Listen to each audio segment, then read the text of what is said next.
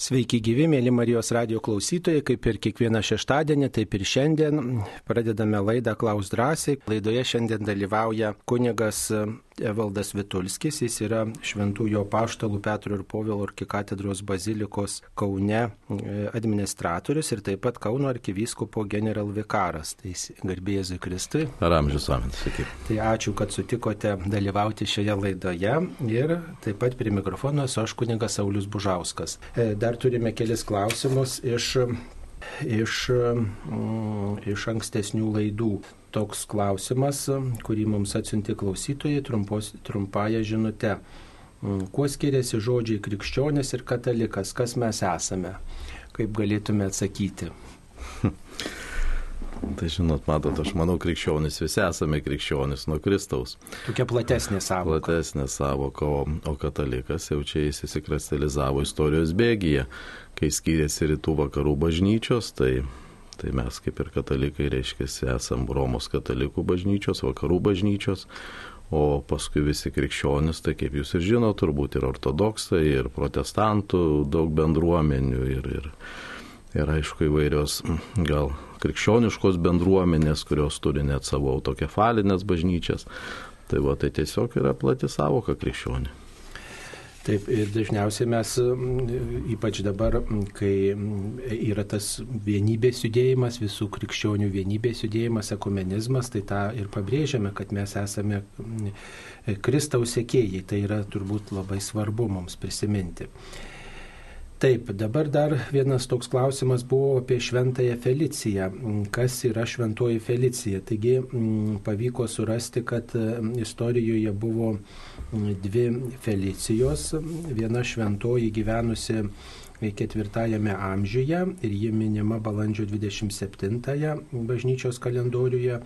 Ji gyveno dabartinėje Turkijoje, mirė 302 metais, buvo pamaldi krikščionė E, tačiau po gaisro imperatoriaus rūmose buvo ieškoma, kas čia galėjo padegti ir ką čia reikėtų apkaltinti.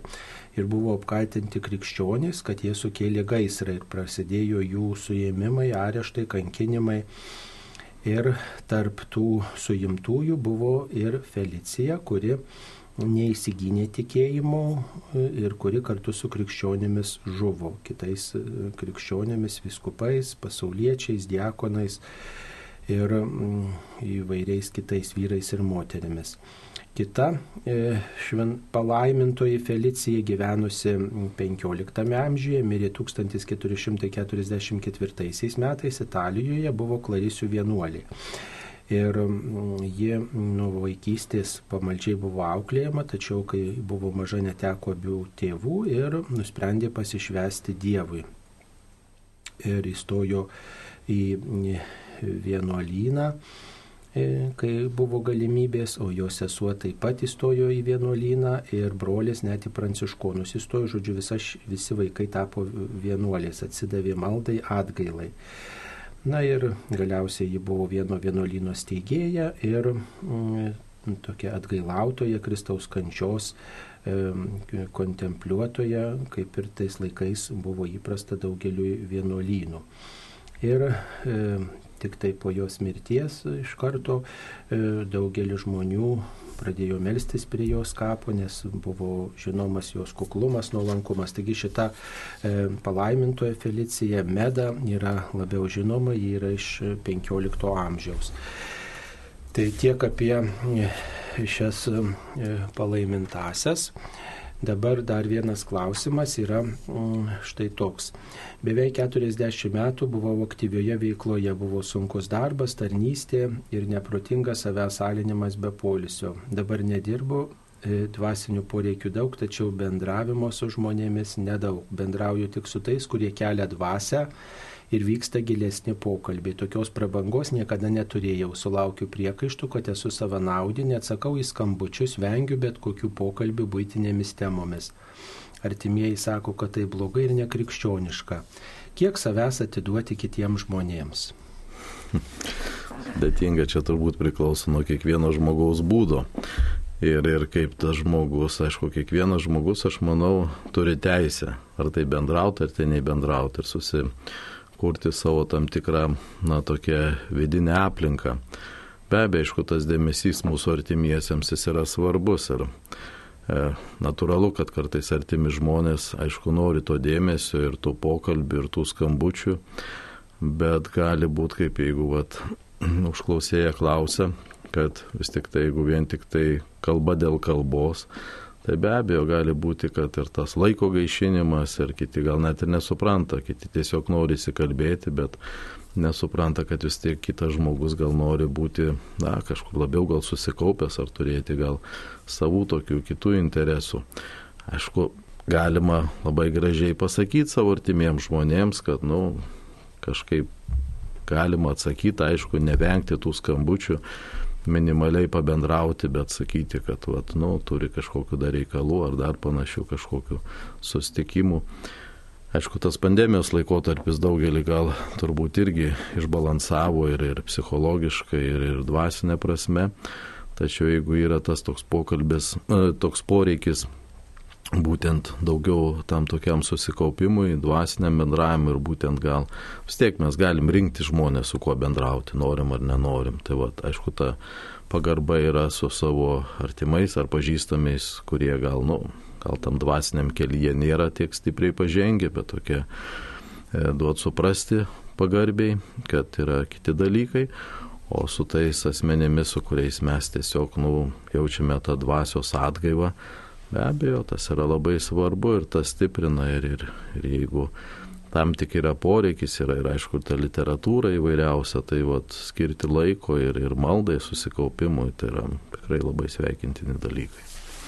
Taip, tai dar vienas klausimas yra toksai, e, apie jį turbūt mažai kas mes žinome, mums paskambino dabar, tai pabandykime atsakyti mūsų klausytojai.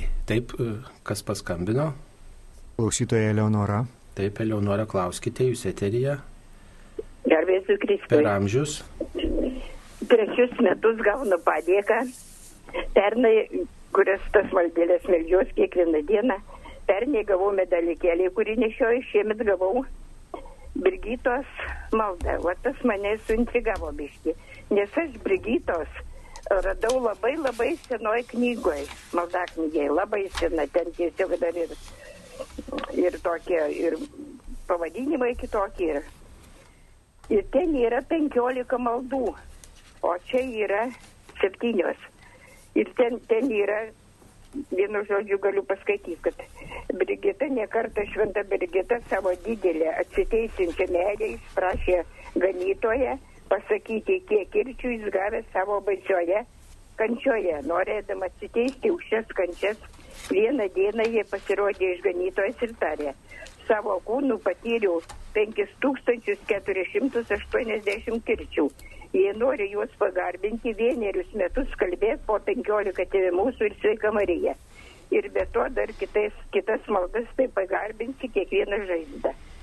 Tai aš va tą, tą Brigitos maldą jau dviejus metus iškalbėjau. Dabar gavau išganytojo pažadai Brigitai. Bet čia, nu, čia visai kitokie, tai kaip čia dabar. A čia dvi, dvi tokios Maldos Brigitos. Taip, ačiū už jūsų klausimus. Taip, žinot, tada tuo laikotarpiu, kai gyveno šventoji Brigita, buvo labai populiarus tas apmąstymas, Kristaus kančios apmąstymas ir labai daug šventų pasišventusių maldingų žmonių tiesiog troško atjausti Kristų, troško prisiliesti prie jo žaizdų, troško palengvinti tą žaizdas, apmastyti, ką Kristus kentėjo ir sako, leisk man pažinti, ką tu kentėjai arba bent bent vieną skausmą pakelti. Tiesiog atgailos dvasioje žmonės troško prisiliesti prie Kristaus kančios liepinių. Ir šventoji Brigita Švedė turėjo bent keletą tokių mistinių patirčių ir, ir tiesiog na, įvairūs tie patyrimai, jie yra užrašyti, išlikę ir jie populiarinami. Tai čia mūsų Marijos radio tas pasiūstas visiems sveikinimas ir ypatingai tas Šventosios Brigitos pamaldumo, tas supažindinimas e, yra proga na, daugeliu žmonių prisiliesti prie to, ką išgyveno mūsų šventieji ir susipažinti su tuo pamaldumu. Ir, e, žinot, gal nebūtina viską ten tai pažodžiui skaityti ir, ir gyvendinti, tai yra kitas laikas, kitos galimybės, bet tiesiog susipažinti su tuo pamaldumu ir, ir nepamiršti, tiesiog nepamiršti, ką Kristus dėl mūsų visų iškentėjo, kad tas mūsų visų mūsų išgelbėjimas Kristui kainavo, kainavo kančią, kainavo atmetimą, kainavo skausmą, didžiulį skausmą ir kad tai nebuvo šiaip savo toks pasiubavimas ant kryžiaus, bet tai tikrai buvo sunki, didelė, varginga kančia. Na ir tie pažadai, jie, jie neatšaukti ir kas, kas gali, kas juos apmasto, tiesiog yra galimybė juos, jais, juos paveldėti, jais pasinaudoti tais pažadais. Tai tiesiog jeigu ten sutinkate skirtingas maldas, tai reiškia buvo kelios tos patirtis ir, ir, ir tada galima vieną kitą susipažinti ir, ir praktikuoti kažkiek laiko. Truputėlį vienu gyvenimo etapu vienus, kitų gyvenimo etapu galbūt kitus. Tikslas yra pirmiausiai susipažinti, kad mes nepamirštume to, pa, to paveldo, dvasinio paveldo, kurį, kurį e, mums paliko prieš mus gyvenę švento gyvenimo žmonės. O jau ten viską įgyvendinti, tai čia jau žinot, labai didelis uždavinys ir turbūt mažai kas pažodžiui mm, gali tą padaryti. Tai kviečiame pirmiausiai susipažinti pagal galimybės praktikuoti, va, bent šiek tiek praktikuoti, tikrai viešpats atsižvelgs į jūsų pamaldumą. Mums svarbiausia pirmas žingsnis - pamaldumo puoselėjimas, o paskui visi tie pažadai, tai čia jau yra antrailis dalykas. Pirmiausia, mes prisiminkim tą didelę tokią dvasinę patirtį, kurią turėjo prieš mus gyvenę krikščionys. Tai va toks būtų atsakymas. Dabar dar viena žinutė. Mano nūkė parvežė iš Vatikano lauktuvių popiežiaus pranciškaus medalikėlį. Kaip man jį laikyti ir garbinti? Ant krūtinės aš jau nešioju stebuklingą Marijos medalikėlį. Tai žmogus turbūt svarsto, kad gal gana jau. Matot, vis tiek mes turbūt tų dovanų gaunam iš visur ir iš Vatikano, turbūt ir iš Izraelio, iš Jeruzalės atveža, ar iš šventų vietų. Tikrai tos pamaldumo praktikos jos yra naudingos, o jeigu medalikėlis, kaip sakyt, na, jau nešiojate vieną, tai galite kitą ir kažkur ten arčiau savęs kažkur laikyti, ar, ar, ar, ar prie lovos, ar panašiai, kažkur savo turėti namuose. Nu, galima tikrai ar, ar sėdėti į rankinę nešiotis, nu, įvairūs turbūt yra galimybės. Tai išreikšti tą tokią padėką ir džiaugsmą, kad anūkė va tokią dovaną parvežė. Kai kurie žmonės netgi kelis medalikėlius nešioja ant, vieno, ant vienos virvelės, ant vienos grandinėlės, o galima nešioti vieną savaitę vieną, kitą kitą. Jeigu, o, netgi taip galima. jeigu, jeigu jūs tiesiog, tiesiog norite ir, ir tas garbinti medalikėlių nereikia, reikia tik tai gerbti. Mes garbinam vieną viešpatį, o tas visus pašventintus ženklus, kurie nurodo į šventuosius, į patį patį viešpatį, mm, tai e, mes gerbėme kaip sakramentalės, kaip tuos ženklus, kurie padeda mūsų pamaldumui, mūsų tikėjimui. Taip, dabar dar vienas mm, klausimas yra toks. Norėčiau daugiau sužinoti apie skalb... Magdalenos skalbyklų skandalą. Taigi, mm, Magdalenos skalbyklos tai yra tokio prieglaudos namai, tokie kurie mm, buvo mm, kai kuriuose šalyse. Paskutiniai tokie namai buvo Airijoje, kur mm, buvo tokia prieglaudos, prieglaudos tokios įstaigos, kuriuose gyveno moteris anksčiau buvusios e, prostitucijos e, vergovėje. Ir tiesiog buvo norima tokiu būdu jas ištraukti ir jiems suteikiamas prieglopstis joms, maistas, darbo duodama. Na ir tas skandalas kildavo todėl, kad tos moterys nenorėdavo ten būti ir norėdavo gal ir pabėgti, tai tiesiog buvo galbūt varžomos jų teisės, jų laisvės ir tiesiog tas ta darbo tokia terapija gal buvo kai kur per griežta tokia ir, ir tokiu būdu vat, kilo, kad maždaug varžomo žmogaus teisės. Tai tokie prieglopščiai uždaryti, paskutiniai Airijoje uždaryti ir nu, vat, svarstoma, kad galbūt žmonių nederamai buvo elgiamasi su tomis moterimis, kurios, kurios na, vat, užsiminėjo prostituciją. Tai žinom, kad ir šiais laikais ta problema egzistuoja ir kad tą problemą reikia spręsti, bet jeigu žmogus iš to liūno nenori pats išeiti, tai turbūt prievartą nelabai ir ištrauksi. Jeigu net ir norėsi, jis vis tiek gali grįžti kažkokiu būdu. Tai tiek trumpai atsakytume. Dabar dar viena žinutė. Ar dera katalikiai netikėjusiai merginai draugauti su įsiskyrusiu, bet turinčiu bažnytinę santoką vyru? Nu, reiktų labai atsargiai turbūt e, žiūrėti su į žmogų, kuris e, štai na, yra, turi bažnytinę santoką. Tai matot, jeigu ta jūsų draugystė toli nueis, kaip, kaip toliau bus, e, reiškia, jis na, turi bažnytinę santoką ir įsipareigojęs, kokie jo motyvai, na tai, žinot, kokia ta ateitis, ne? E, ar tas žmogus norės kurti santoką galų gale, ar e, jūsų ta santoka, jūsų ta draugystė bus tvari, ar, jūs, ar galėsite sudaryti bažnytinę santoką, jeigu jo santoka yra galiojanti, tai aišku, kad ne reikia, kad ta santoka būtų pripažinta negaliojančia. Jeigu jį galiojanti bus, tai jūs turėsite geriausiu atveju susituokti civiliškai, bet tada negalėsite priimti šventos komunijos. Tai va, draugystė, tokia bičiulystė, pagalba vienas kitam tai yra viena, bet toliau artimesnė draugystė tai yra visai kas kita, tas toks įsipareigojimas vienas kitam. Tai e, tikrai reikia žvelgti taip labai, nu, plačiai šitą reikalą. Aišku, bendravimas tarp žmonių galimas, tačiau būkite išmintingi šitoj vietoje. Tikrai reikia mums neatskirti nuo sakramentų praktikos, nuo tos galimybės švesti sakramentus. Taip, mums paskambino. Angelė iš Raseinių. Taip, klauskite. Garbėzus. Per amžius. E, gerbiami kunigai, tiek Saulius, tiek Evaldas, tarp kitko, nu čia truputėlį išsiplėsiu. Noriu pasveikinti gerbiamą Saulių su būsiu vardadieniu, o Evaldą pagirti malonų balsą. o dabar klausimas. Suprantat, aš esu, nu, giliai tikinti, bet man iškilo toks, nu, toks, sakyčiau, pagrindinis ir esminis klausimas. Nu, toks, toks nesuderinamumas. Kas tada yra šventoji Euharistija? Jeigu uh, žmogus gauna tik tai Kristaus kūną. Aš nesakau, nereikia ten kiekvienam pil po, po, po, po vyno uh, bačką ar kiek ten, bet, nu, nu klausykit, nu kažkas, be, nestojame man čia išduoti. Taip, su, supratom, supratom. Nors, nors pamirkytų kažkiek, nu, nu, nu kažkas, nu, nu nepykit, bet čia kažkas neteisinga. Taip, supratom, supratom jūsų, jūsų klausimą. Taip, kaip galėtume atsakyti, kodėl nedalinamas ir vynas bažnyčiose, e, Kristaus kraujas? Nu, matot, aš manau, čia vis tiek yra tam tikros mūsų tradicijos, nes, aišku, žinot, per paskutinę vakarienę Jėzus Kristus laužė duoną ir dalino paštalams, sakydamas, kad tai yra mano kūnas, ėmė vyną ir sakė irgi paštalams, tai yra mano kraujas, tai darykite mano atminimui.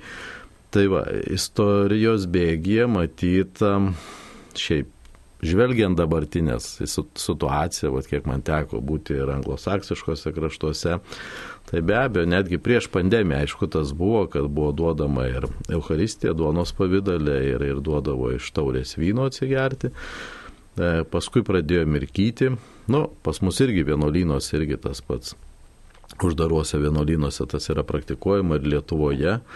Na, gal Lietuvoje Aš nežinau čia ta, nuo kada ta praktika yra atėjusi, bet aišku, dėl gal žmonių kiekio nemirkoma tas yra grinai dėl tokių, nes nu, vis tiek tas pats Jėzaus Kristaus kūnas ir kraujas, mes žinom, kad yra duonos pavydalė, vis tiek ta Euharistija tai yra.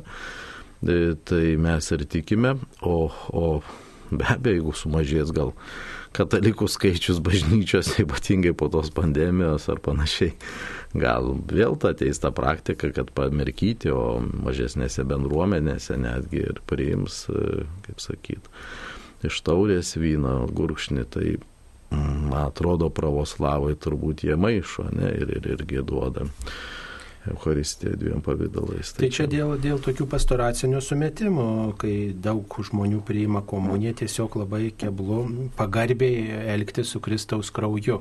Ir tiesiog, jeigu bent keli dalintojai, reikia išpilstyti kelias taures, tada paskui sutvarkyti, mm, tai tas tiesiog pradėta dalinti vienu pavydalu, sako pastoraciniais tokiais sumetimais, kad mm, būtų išvengta tam tikros nepagarbos, profanacijos Kristaus kraujui. Tai taip ir buvo, o, o kai bus ateityje, tai pažiūrėsime. Taip, dar viena žinutė, plačiau prašau paaiškinti apie ligonių sakramentą, kada jį galima priimti, ar čia tas pats, kur teikiamas vasario 11 dieną.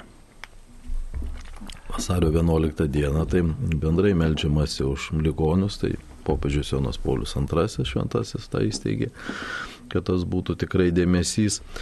O ligonių sakramentą pagal bažnytinę teisę mes galim priimti į pusmetį vieną kartą, jeigu jaučiamės tikrai, kaip sakyt, reikalingi to, nes tai yra nu, sustiprinti tiek mūsų kūną, tiek mūsų dvasę. E, tai tiesiog yra, kas nori priimti, gal net ir labai blogai nesijaučia, bet, pavyzdžiui, na, prieš operaciją svarbi ar dar panašiai. Tai, tai va tikrai tas yra, kad ligonių sakramentą kaip sustiprinantį priema. Tai į metus du kartus galima tikrai tą priimti, jeigu tą jaučiam, kad tai yra poreikis. Bet aišku, nereikia, kaip sakyt, na, piknaudžiauti tuo. Tai tiesiog, nu, atliekama išpažintis, yra malda, priema švenčiausias sakramentas, yra pati pamalėjumi. Tai Na, e, turbūt taip pat dar, jeigu, pavyzdžiui, žmogaus sveikata suprastėja labai stipriai, staigiai ir tada žmogus, jeigu netaip senai priėmės, galima vėl priimti, turbūt bažnyčia numato tą Ir e, vasario 11 ligonių diena, mm, maldų už ligonius diena, taip pat teikiamas ligonių sakramentas, bet tos apėgos tokios daugeliu žmonių, o kai, sakykime, namuose ligoniniai teikiamas, tai turbūt asmeniškiau, taip specialiai už tą ligonį melžiamasi, daugiau gal tų maldų yra. Ir, ir tiesiog tada, žinot, daugiau žmonių gali pasinaudoti šitą galimybę reikėtų prisiminti, kad tai nėra paskutinis patepimas, bet jį galima priimti dažnai šitą sakramentą, kaip girdėjote. Taigi pasinaudokit šitą galimybę ir ypatingai tie, kurie yra vyresnio amžiaus esate. Tai skambinkit savo parapijos klebonui ir pasitarkite apie šitą galimybę. Taip, mums paskambino. Aldona iš Vilniaus. Taip, Aldona, klauskite. Garbėjai Jėzui Kristui. Per amžius. Jau galiu klausti. Taip, žinoma. Mūsų giminiai viena jauna moteris norėtų padovanoti bažnyčiai votą. Jis turi sidabro tokio truputį jau ten kažkas nulūžę, kažkas nu, nu, nusmukę ir jinai norėtų padaryti ir būtent va tokį dalyką. Jis prašė tiesiog sužinoti, nes aš daugiau klausau tos Marijos radijos, ar galima būtų tai padaryti ir jeigu, jeigu galima, kur reikėtų kreiptis, nes kiekvien, ne kiekvienas auksakalys šitokį dalyką daro. Ačiū Jums širdingai. Na, žinote, aišku, ne kiekvienas turbūt daro auksakalys, kaip sakot, bet yra, yra tikrai meistrų, kurie daro ir, pavyzdžiui, pas mus į Kauno arkikatedrą atneša votų yra širdelės iškaltos ir, ir, ir pasidabruotos ir paauksuotos yra. Tai, tai tokios matyt galimybės yra, nes aš manau, juvelyrai tikrai to, tą dalyką tikrai moka atlikti.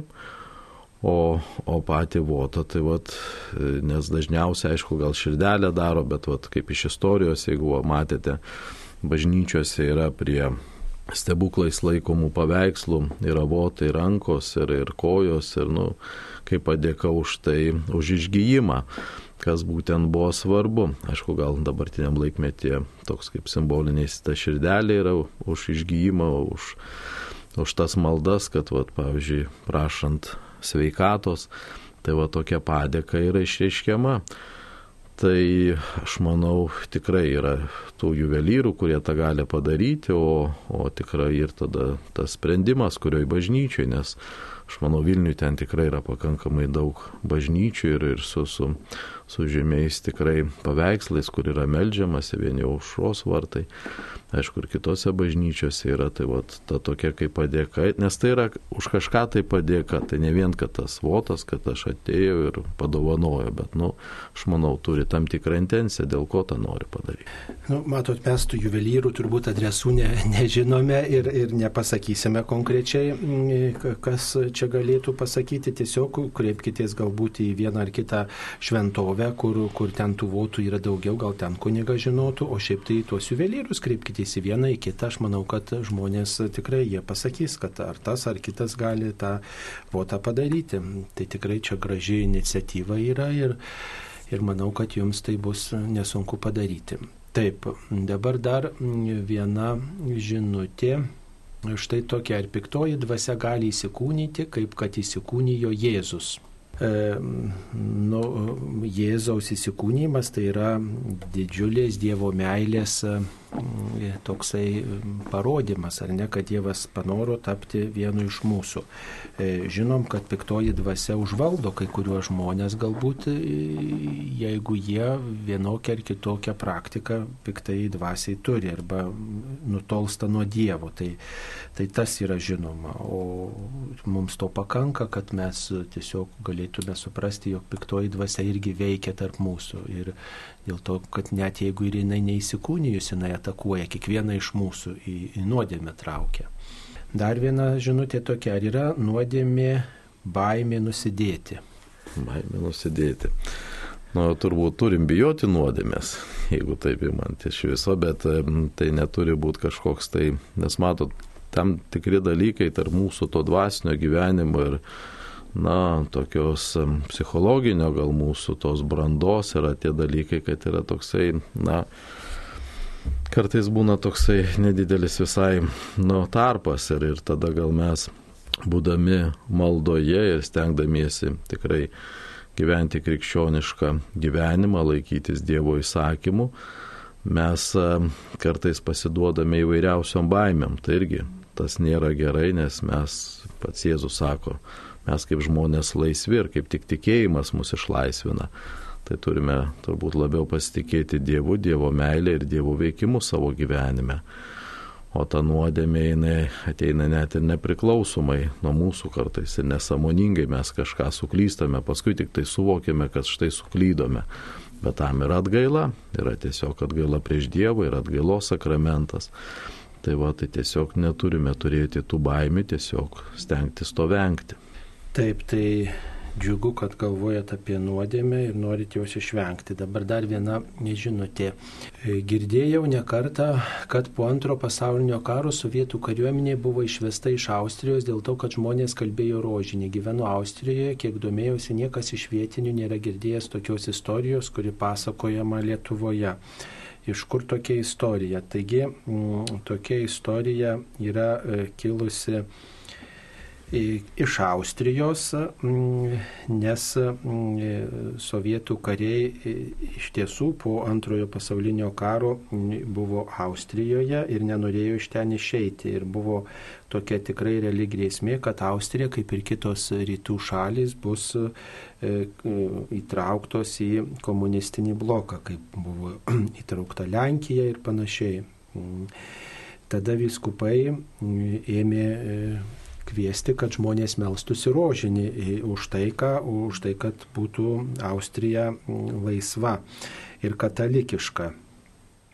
Ir pasakojama, kad 1955 metais sovietų armija netikėtai pasitraukė be jokio kraujo praleidimo ir, krau, ir jokių konfliktų. Ir Austrijos viskupai ir katalikai šitai e, priskiria rožinio maldai, nes sakoma, kad tais laikais bent kas dešimtas e, gyventojas melsdavosi rožinį ir prašydavo Marijos išgelbėti. Taigi buvo tokių rožinio revoliucijų ir kitose šalyse, kai štai daugybė žmonių meldėsi rožinio malda tam, kad įvyktų vienas ar kitas pokytis jų krašte.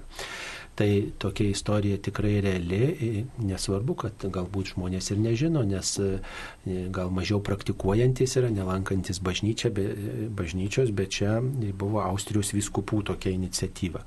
Taip, mums paskambino. Elena iš Panevežio. Taip, Elena, klauskite. Garbėzui Kristui. Per amžius. Norėjau paklausti, ar Marija Magdalietė Lozoriaus ir Mortos sesuo, ar buvo kita asmenybė? E, tikriausiai kita asmenybė buvo.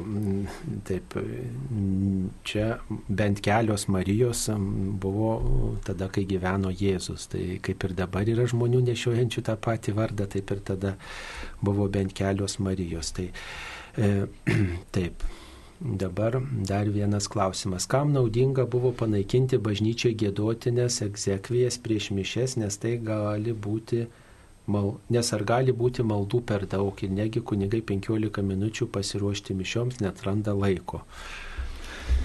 Na čia žinot, aš manau, kad čia yra vėl mūsų tam tikras laikmečio bėgimas ir ne tik tai dėl to, kad ne, netranda laiko, bet tiesiog ta mūsų liturgija jinai vis kažkaip, kaip sakyt, evoliucionuoja, gal taip pasakyčiau, nes buvo ta tradicija, Ezekvijų gėdojimas, tai mes dar ir seminarijų mokindavomės, ir, ir lotyniškai, ir paskui dar ir lietuviškai buvo tos egzekvijos mokomos gėdot, bet kažkaip matytas natūraliai, kaip ir, va, pavyzdžiui, salūnai nebėra bažnyčiose, tai va, irgi tam tikri dalykai matyti iš mūsų tos liturgijos išeina kas manoma, nu, gal dėl to, kad norima su tiesiog e, sukonkretinti šventų mišių auką, Euharistijos svarbumą, nes būdavo, kad žmonės atklauso egzekvijas ir išeina iš bažnyčios, mišios jau būdavo nebereikalingos, skaitydavosi čia užmirusi pasimeldė ir viskas gerai.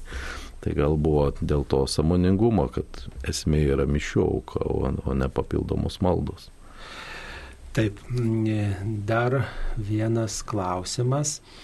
E, štai toks apie Birutė Žemaitytė. Niekur nesigirdė apie Birutę Žemaitytę. Tai ji, taip sakant, yra vienuolė ir e, gyvena vienuolynė ir eina savo, kaip sakant, pareigas ir taip pat rašo knygas, parašė knygą neseniai apie kunigas Debski, kurį e, visa Lietuva labai gerai pažįsta ir kurią jai teko slaugyti ir su ją bendradarbiauti. Taigi siunčiam Birutė Žemaitytė linkėjimus. Taip, dar viena žinutė. Kodėl e, kunigas negali turėti šeimos, vaikų, rusų popo žmona, vaikai tarnauja bažnyčiai, kodėl mūsų kunigai pasmerkti ir daugelis daro lytinius negerus darbus, kodėl nenaikina celibato, sako, Jėzus buvo nevedęs, bet Jėzus atėjo į žemę kitų tikslų ne šeimą kurt.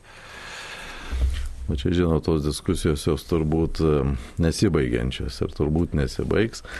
Bet čia tiesiog istoriškai susiklostė, kad vakarų bažnyčioje buvo pasirinktas toks kunigų vienuolinis kelias, kad jie neturėtų šeimos. O kai atsiskyrė rytų vakarų bažnyčios, rytų bažnyčia priėmė tą nuostatą, kad šventikai, kurie nesiekia tapti viskupais, jie gali turėti šeimas. Vieną kartą vedę gali būti. Tai va, bet jeigu pravoslavų, jie nori karjerą, nu, kaip hierarchijos laiptais lipti aukščiau, jie vis tik turi pasirinkti vienuolinį gyvenimo būdą, neturėti šeimos. Tai va, tai yra tam tikri dalykai. Na, o čia tos diskusijos be abejo, čia vėl, čia yra, kaip sakyt, bažnytinis įstatymas, čia ne Dievo įstatymas, tai čia tiesiog priklauso nuo, nuo laikmečio, aš manau. Taip, dar viena žinutė. Ar tiesa, kad neapykanta žudo jos turinčius kaip ir aplinkinius? Taip, aišku, kad neapykanta uh, greuna mūsų santykius, mūsų uh, stumia į priešiškumą ir nemailę. Ir nemailė, tai žinoma, kad žmogui yra didžiulė skriauda. Apreiškimo knygoje Jėzus sakė apie drungnumą ir geriau būti karštu ar šaltu. Kas tai yra? Tai turbūt abejingumas, drungnumas toksai, ne, kada žmogus nesidomi, jam visai vienodai, tai daugelis žmonių yra tokie abejingi. Jėzus mirė, nutikiu, kad Dievas yra, bet dėl to nei melžiuosi, nei lankausi bažnyčiai, nei prisikėlė Jėzus, nuvaliau, nu kas, bet atšvenčia žmogus, bet pats nesistengia nei keltis, nei, nei, nei trokšti to prisikėlimo.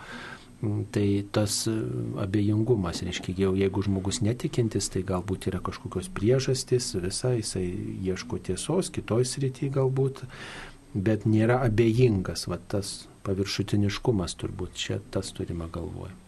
Taip, klausimas, kaip pasninkauti duona ir vanduo pirmadienį, trečiadienį ir penktadienį, kūčių dieną, pelenų dieną prieš Velykas, kaip dar galima pasninkauti.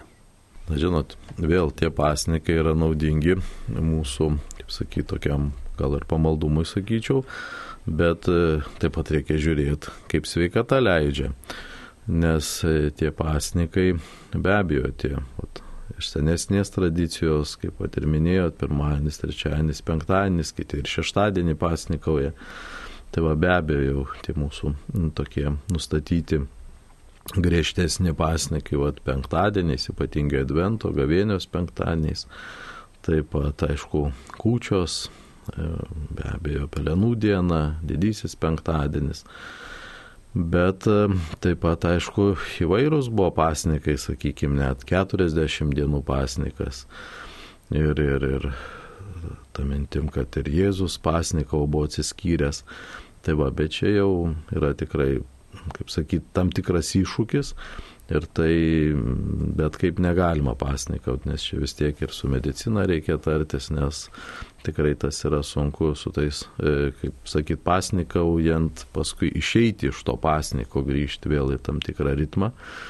Tai tiesiog, na, aš manau, kiekvienas žmogus gal turi savo, gal kažkokią tai, na, nu, idėją, norą tam pasnikui kažką skirti, nes tai vis tiek, nu, jeigu vien tik dėl savęs, tai daugi šiais laikais kas badauja dėl savo kūno, dėl panašiai, bet, bet reikia turėti tam tikrą, nu, tokią dvasinę prasme. Taip mums paskambino.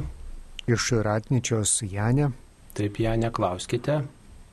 Aš turiu tris klausimus, norėčiau jūsų e, atsakymo. Taip. Pasakysit, kaip galima bus sakyti? Taip, taip, pasakykite, dabar jau sakykite. Sakyt? Klauskite. Dabar? Taip, dabar, dabar. Ar varda, a, pirmas, ar vardas Anelė yra šventas? Trumpai, kas jį buvo, norėjau žinot. Antras, vyras nuolat grasina savižudybę, turi priklausomybę nuo alkoholio ir jau žinokit, kam neduodi tos čerkus, tai, tai grasina pasikarsiu. Naudojam vaistus ir Marijos radijo intencijas. Aš beveik kiekvienų dienų skambinu, aš jau dėdu, gal jiem ir nepatinka, bet stengiuosi neužimti linijos greitai. Nu, padiktuoju ir viskas ir padėkoju. Toliau trečias. Ar būtina šventinti namus, ypač dabar, man atrodo, kad tarpais vyra puola piktasis, nes jis, nu, man tokia nuojauta, žinokit, aš ten ir šventus daiktus dedu, ir švento vandenio padėjus, ir viskų, nu, bet žinokit, galima sakyti, kad nepadeda. Jam kaip užeina tas jau, tai baisu. Tiek, ačiū, su pagarba su Dievu. Taip, sudė, ačiū už jūsų klausimus. Taigi, e, tikrai paguoda didžiulė, kai turite vyrą namuose išgerinti, tikrai didžiulis rūpestis yra. Reikėtų turbūt nukalbėtis su juo ir čia yra ilgas kelias. Jeigu pats žmogus nenorės iš alkoholizmo kilti, tai turbūt pakilti yra labai sunku.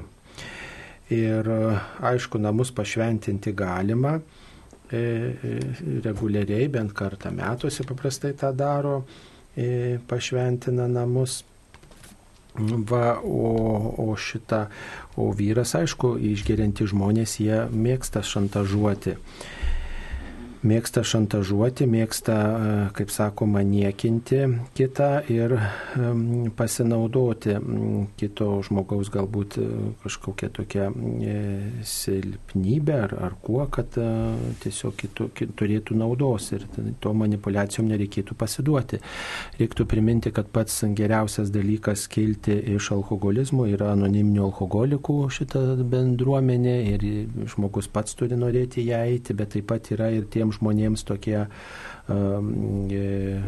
Alanonas, tokia bendruomenė, kurie yra artimieji alkoholikų. Tai žinot ir mums, kurie gal savo aplinkoje turime išgeriančių žmonių, savo šeimoje reikėtų pagalvoti taip pat apie tokį pastiprinimą ir tokių bendruomenių lankymą, nes ir mums reikia tokios pagalbos. Tai nėra turbūt tik taip, kad mes turim kelti kitą žmogų, ir, ir, o kitas turi kilti, o, o mums pagalbos nereikia. Tai dažnai, žinot, ir tas mąstymas pasikeičia ir mes esam priklausomi nuo to žmogaus, kuris yra alkoholikas. E, sakyčiau, tom provokacijom, tam šantažui nereikėtų pasiduoti per daug, bet aišku, kartai žmogus, žinot, ir silpnas yra ir, ir tiesiog net laiko to, to viso ten gazdinimu ir, ir viską, ir, ir ten ir duoda to alkoholio ir panašiai. Tai čia, žinot, labai keblu yra, bet šiaip tai principas pats reikėtų nepasiduoti ir tikrai nereikėtų slėpti to, to, tos priklausomybės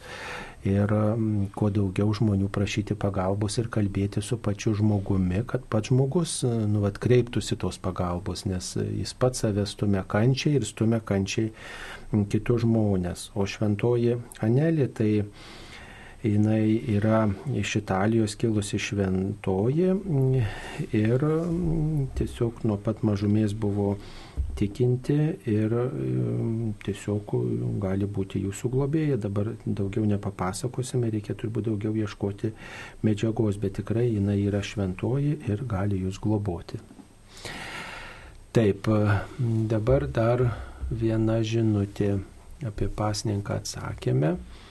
Taip, dabar štai toks klausimas, e, taip pat apie priklausomybę, kaip padėti vyrui. Tai ką tik atsakėm, galbūt irgi tuo pasinaudosite, tai tikrai melskitės už savo vyrą ir stenkitės kalbėti tiesiog, kad jisai pats suprastų, jog, reiškia, čia yra, čia yra dugnas ir reikia kreiptis pagalbos. Tai pats žmogus turi kreiptis, tada yra geriausia šeitis.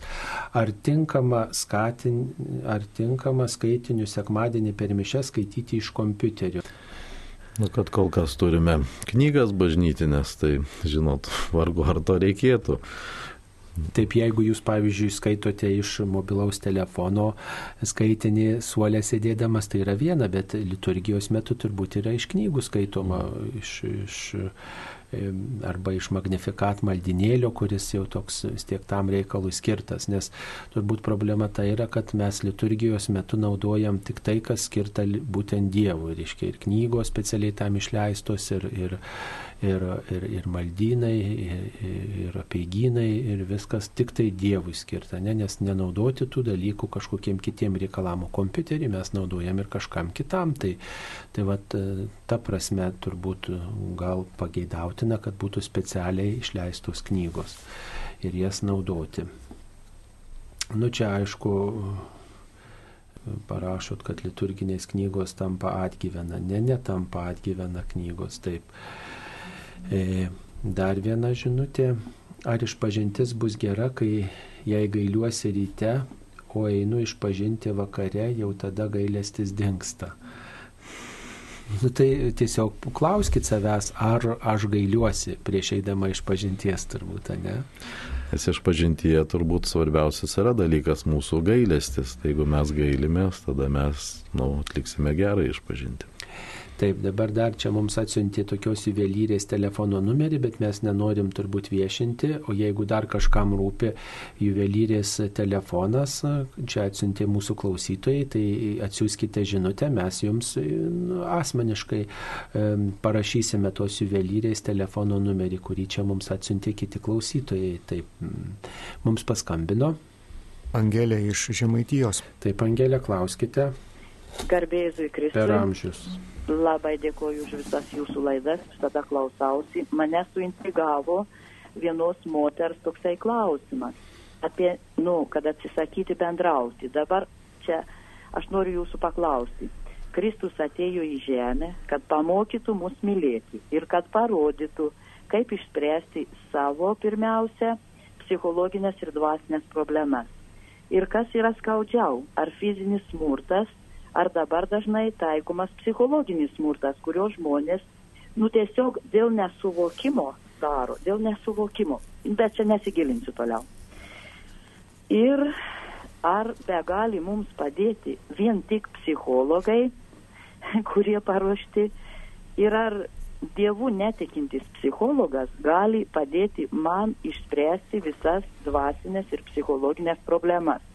Ar negeriau būtų biški atsiver daugiau duris ir pasiskaityti knygą Davido Stopo, kaip atleisti savo ir savo tėvams. Gal mes esam ne kokie čia visi dievažmogiai, o tik žmonės turintys ir teigiamą, ir neigiamą pusę. Todėl ir mūsų tėvai, ir mes dažnai, jeigu susitapatiname, e, nu, net leidžiam, mes susitapatinam su tėčiu ir mamos blogąją pusę. Ir paskui ieškom kaltų. Bet tas toks izoliavimas, susidarimas, aš bijau, kad čia yra depresijos simptomas, jeigu mes vis, nu, ni su kuo nebendrausim, visi aplink mus blogi, negeri, mes taip galvosim, nu čia galim toli nueiti, aš nenoriu sakyti kur, ar aš esu teisi, ar aš klystu. Na matote, aš manau, vis tiek psichologai, jie taip pat turi tam tikrų, na, be abejo, sugebėjimų, turi žinių, turi tam tikros praktikos, e, yra įvairius e, kryptis psichologijos. Ir aišku, daug geriau bendrau su to psichologu, kuris yra tikintis. Tai jis tada dar supranta ir tą tikėjimo kelionę žmogaus, tą dvasinę pusę. Jeigu yra netikintis, jis grinai gal, aš taip manau, tik tai tam tikri techniniai dalykai, kurie, na, psichologiškai, aš manau, žmogui turėtų padėti, nes yra tam tikri klausimai, atsakymai, tam tikros gal lentelės ar panašus dalykai. Tai va, bet e, vis tiek yra tam tikras dvasinis gyvenimo kelias ir tas dvasinis palidėjimas. Tai, tai yra e, tikrai tam tikri asmenys, ne tik tai kunigai, bet ir seselės vienuolės ar, ar net pasauliečiai, kurie vat, būtent irgi praeina tam tikrus ir, ir, ir mokymus, ir seminaruose būna ir tiesiog gali e, dvasiškai vesti kitą žmogų. O pats asmeniškai žmogus, aišku, tai yra tas iš šono reikalingas, tas yra palaikymas. Ir tas, kaip jūs ir sakote, tos literatūros šiais laikais tikrai yra pakankamai. Ir aš manau, pats žmogus savyje turi, na, vis tik tai tam tikrą prasme susidėlioti. Tiek žvelgiant į praeitį, tiek žvelgiant savyje, tiek žvelgiant į savo gyvenimo kelią. Tai va ir tiesiog, na, tas ta dvasinė ramybė. Tai kaip mes vis tiek tikintis, tai mes atsiremėme į Dievą, pasitikim Dievo veikimu. Tai kokie be būtų gal išbandymai ar sunkumai ar praeities kažkokios nuoskaudos, na kaip ir vėl sakiau, yra, tam tik, yra išpažintis tam, kada mes atsilaisviname nuo to, na o psichologiškai mes tiesiog melžiamės ir prašom Dievo tikrai stiprybės, kad mes savyje tikrai būtume nu, ramus dabartiniam laikmetį ypatingai, ko reikia.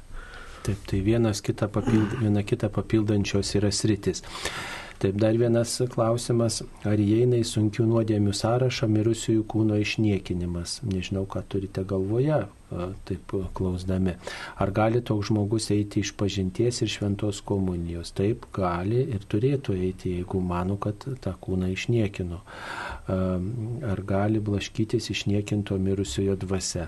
Mm, na tai, matot, blaškosi dvasia mes nežinom, ar blaškosi ar nesiblaško, bet mes pagarbiai stengiamės elgti su, su tai žmonėmis, kurie iškeliauja iš šito pasaulio su jų kūnu, o dvasia keliauja pas viešpati. Tai dėl to svarbu mums melstis, kad ta dvasia nesiblaškytų, padaryti tą, kas priklauso nuo mūsų, melstis už mirusiuosius. Ir tas meldimasis, tai yra tos ramybės linkėjimas, pavedimas Dievui to asmens, kuris iškeliavo pirmą mūsų. Taip, ar sunki nuodėmė knaisiotis po kito žmogaus praeities įvykius, jį dėl to teisti, stengianti sugėdinti dėl praeities klaidų, norint išskirti šeimą. Sugėdinti dėl praeities, tai turbūt norint gal išsaugoti šeimą, o išskirti tai tikrai nereikėtų norėti išskirti. O jeigu norim išskirti šeimą, tai turbūt jau būtų nuodėmė. Ne?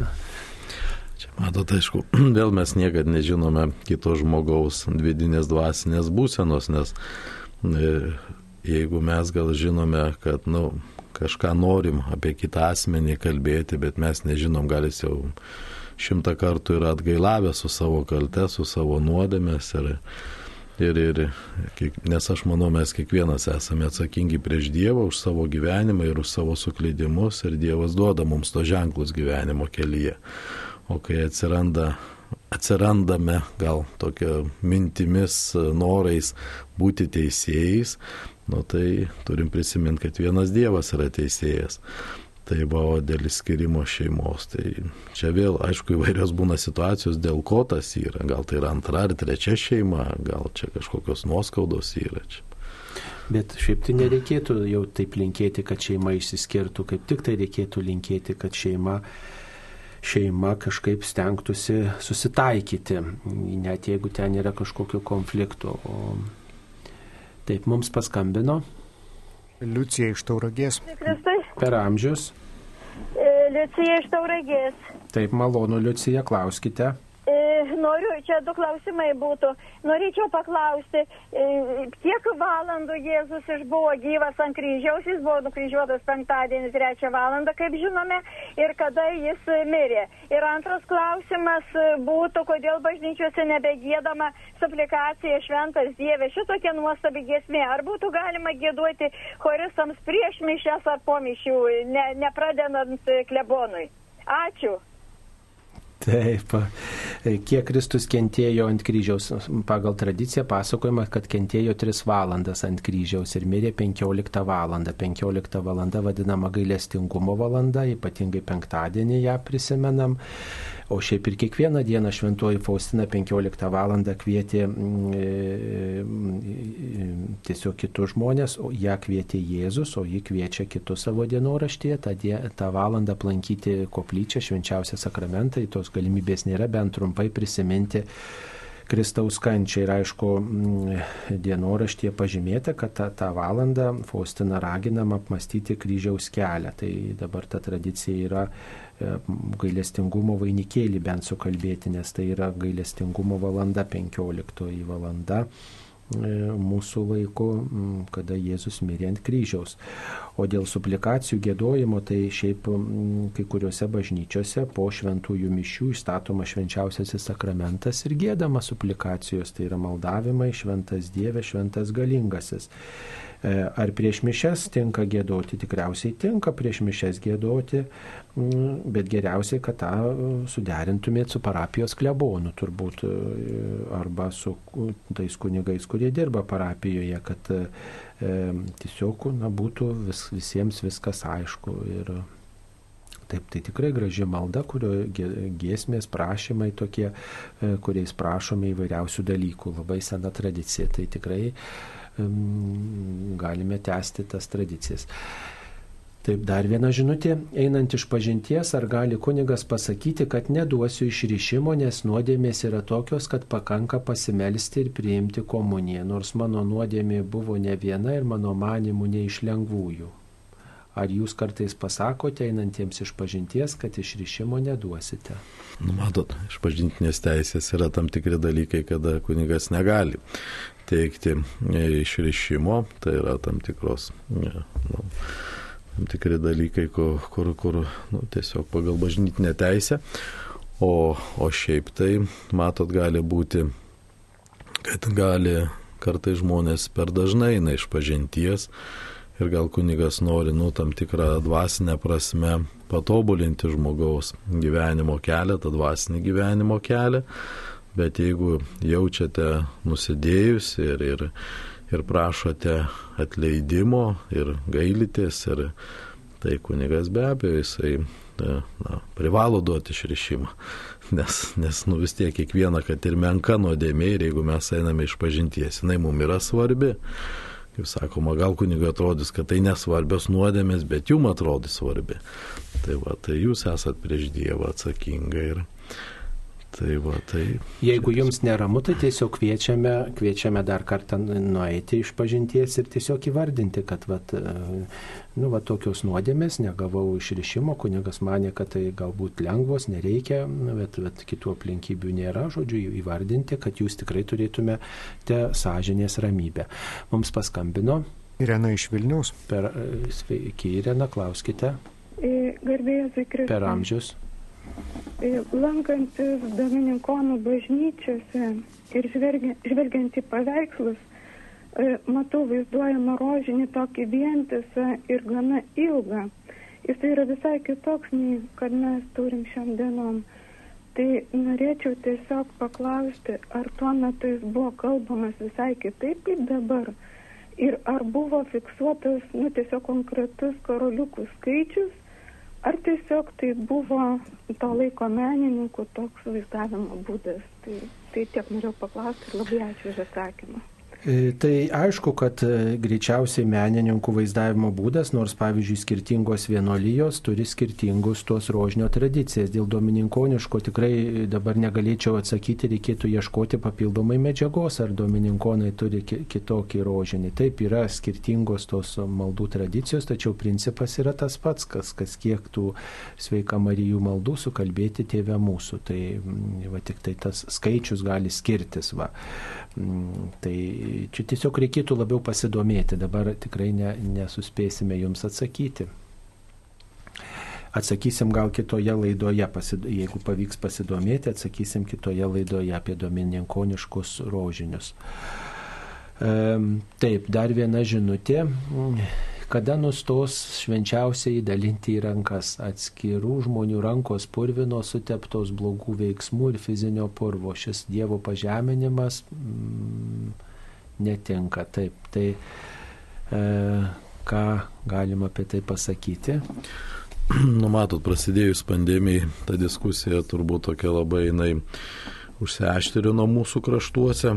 E, Tikrai sakau, vakarų kraštuose tas jau senai yra dalinama į ranką ir tai nesudaro problemų. Bet, matot, mūsų tiek, kaip sakyt, ir liežuvis sutepa, e, ir, ir rankos sutepa. Tai čia, žinot, aš manyčiau, panašus tų nuodėmių, kaip sakyt, svoriai yra. Bet čia tas įvesta gal, nu, be abejo, sakau, mums neįprasta, mūsų gal tradicijai, pamaldumo tradicijai, kad į rankas, bet, na, pandemija tą kaip e, tokį iššūkį padarė mūsų, mūsų su, supratimui, samoningumui. Na, bet šiuo metu aš manau tikrai nėra tas griežtai tikrai, kas žmonės nori priimti į burną komuniją, tikrai kunigai duoda, o, o kas tikrai jaučia, kad vis tik tai nori save labiau saugoti, priema į rankas, tai čia, kaip sakoma, tikrai nesminiai dalykai. Mes nuo to Jėzaus tikrai nesumenkinsim.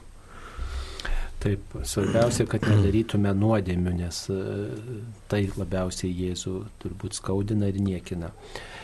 E, Dar viena žinutė, norėčiau sužinoti, ar negalėtų viskupai ir kunigai lankytis mokyklose ir jaunimui skelbti Dievo žodį, artinti vaikus prie Jėzaus, nes jaunimo mūsų bažnyčiose, ypač mažesnių miestų kaimų parapijo, mišiuose beveik nėra. Ar tenka lankytis mokyklose? Na, žinot, man tai pastoviai tenka, o šiaip tai a, lankosi tikrai ir kunigai, ir kapelionais gyrai, ir yra katalikiškos mokyklos, ir, ir, ir viskupai lankosi. Ir tikrai tas Dievo žodis yra skelbiamas, bet, nu, kiekvienas turi laisvą valią ir tas jaunimas, na, jis matyt, na, sudėtinga jam ateiti kitos bažnyčios. Aišku, įvairiausių yra priežasčių, gal ar tai kažkoks tai, gal nepilnas dar tikėjimas nesamoningas, nes tas jaunimas, kuris tikrai samoningai įtiki, tikrai ateina ir ne tik tai kas sekmaniais, net ir kiekvieną dieną, kai kiti ateina. Tai va tiesiog, aišku, nuo šeimos daug priklauso, kaip, kaip perdodamas tikėjimas šeimoje. Nes kaip jūs žinote, yra kiekvienoje dabar mūsų laikais ir mokykloje tikyba yra dėstoma, tai ir tikybos mokytojai perdoda tikėjimo žinias, tai ir, ir beveik visi vaikai ruošiasi pirmai komunijai, aišku, daugelis ir sutvirtinimo sakramentui. Tai tikrai tos informacijos ir to tikėjimo liūdėjimo tikrai daug yra, bet nu, kiekvienas turi laisvą valią, tai va apsisprendimas, kada jis ateis į tą bažnyčią, kokio amžiaus ir kada. Šioje laidoje dalyvauja Kauno šventųjų apaštalų Petro ir Povilo arkikatedros bazilikos ir Kauno arkivyskupo generalvikaras kunigas Evaldas Vitulskis ir aš kunigas Saulis Bužauskas. Taigi, štai keletas žinučių. Ar galimas toks atvejis, kad būtų aukojamos kelių kunigų mišios už tą patį mirusį ar gyvą, nes užsako skirtingi žmonės ar šeimos? Tai žinoma, kad galima, nes e, galima ir keliose bažnyčiose gi užsako, ar toj pačioj bažnyčioje užsako, tai gali aukoti tikrai tą intenciją. Taip pat netgi kiti, na nu, aišku, tada jau tos praktikos nebėra, bet būdavo, kad net trys kunigai tą pačią intenciją melzdavosi. Aišku, dabar jau ir kunigų tiek nebėra, kaip anksčiau būdavo. Tai va, bet be abejo maldos jos tikrai nepa, nepakenkia, tik pa, pagerina. Ar gali pasaulietis dėvėti pašventintą vienuolio rūbą, ar tai nebūtų nepagarba rūbui, nes esu vienuolį, nes nesu vienuolį nu, paprastai pasaulietis turbūt ne, neturėtų dėvėti vienuolio rūbo, tai yra jau apgaulė tam tikra, ne, taip kaip ir ne, apsirengimas policininko drabužiais būtų apgaulė arba kažkokio kito pareigūno, taip ir vienuolio ar kunigo rūbą dėvi tas, kas ir priklauso šiam pašaukimui. Tai tikrai tai būtų apgavystė ir tam tikra nuodėmė, reiškia apgauti, tai na, daryti nuodėmę. Nu, nebent sakykime, gal koks vaidinimas yra ar ne spektaklis koks, bet paprastai spektakliuose jau tie e, vienuolių rūbai, kunigai, kunigų rūbai nenaudojami, specialiai tam skiriamas kažkoks rūbas specialiai vaidinimui pasiuvamas rūbas ar kažkoks pritaikomas jau. Tie rūbai pašventinti vienuolio ar kunigo rūbai, jie vartojami tik tai liturgijoje. Taip, e, kaip žinoma, yra septyni sakramentai ir juos visus įsteigė Jėzus, ar čia yra kažkiek ir bažnyčios indėlis?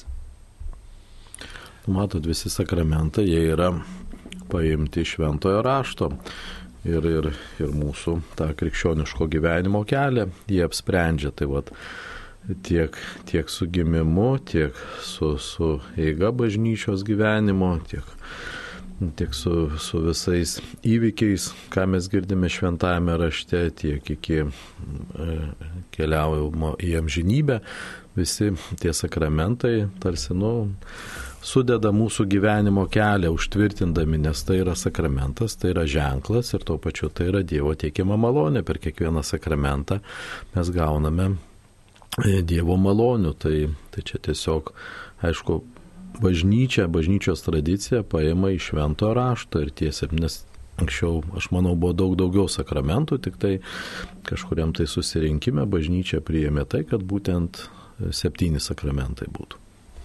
Taip, po to visa tikrovė siekia Kristaus laikus. Kristus apie tas visas tikrovės kalbėjo, kurias mes išgyvename, priimdami sakramentus. Taip, dar viena žinutė. Kaip galima savyje išugdyti meilę savo artimu, jeigu visą praktiškai e, gyvenau kaip egoistas ir mylėjau tik save? Tai kaip galima išugdyti meilę savo artimui? Nu tai per dosnumą, per tarnystę, per išklausimą, per maldą už kitą žmogų, per laiko skirimą kitam, meilė artimui prasideda nuo dėmesio, nuo gero žodžio, nuo kito žmogaus palaikymo turbūt. Apie tai verta pagalvoti mums visada.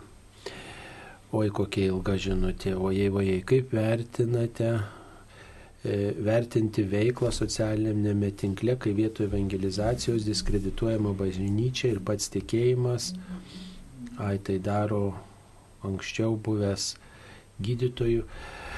Nu vienu žodžiu, ką daryti čia apie skiepus, labai ilga žinutė, ką patartumėte be maldos.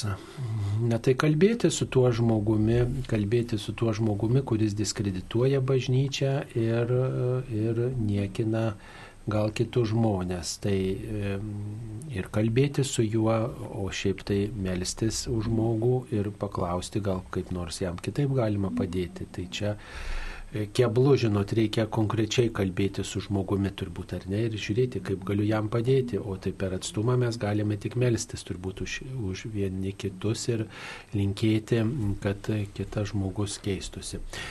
Mano mamytė mirė penktadienį 15 val. ir čia yra kokia Dievo malonė. Nu, galime tai priimti kaip Dievo malonė. Tai yra Dievo gailestingumo valanda. Svarbiausia turbūt ne tiek, kada mamytė mirė, bet e, ar buvo prieimusi sakramentus, ar buvo tikinti, ar jūs melžiatės už ją dabar. Va tas turbūt yra svarbiau, o tas mirties laikas, aišku, 15 val. yra Dievo gailestingumo valanda ir tikime, kad tą valandą viešpats mirė ant kryžiaus ir tam tikras sutapa, susi, e, nu, susitapatinimas su tą valandą, su, su, ta, su to Jėzaus mirties laiku gali būti laikoma malonė, bet nebūtinai tos malonės turbūt siekti, ar nepriimkim, svarbu, kokia ta dvasinė būsena žmogaus.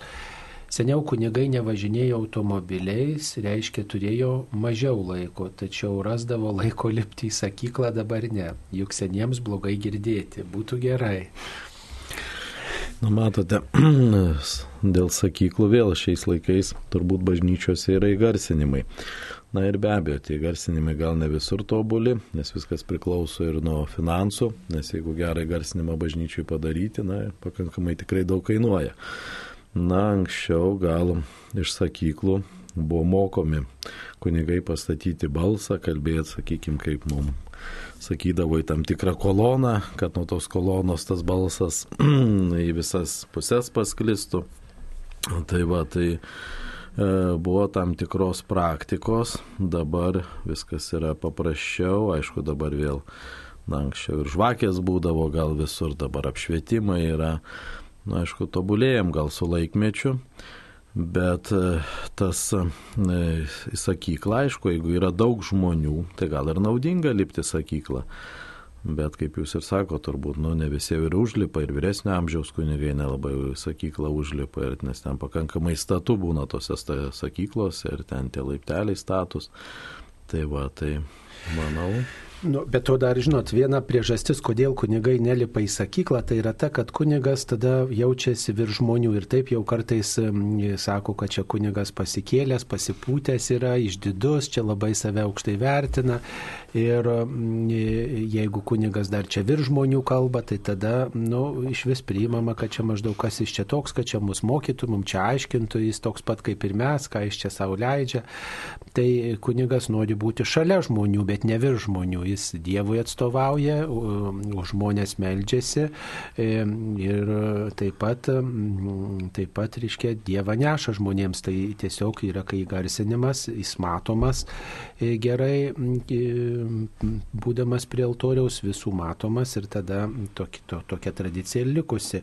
Matot, tas, kas, pavyzdžiui, yra arti altoriaus, jeigu kunigas bus sakykloje, gali ir nematyti ir net negirdėti kunigo, jeigu jis bus sakykloje. Tai irgi tas pavojus yra.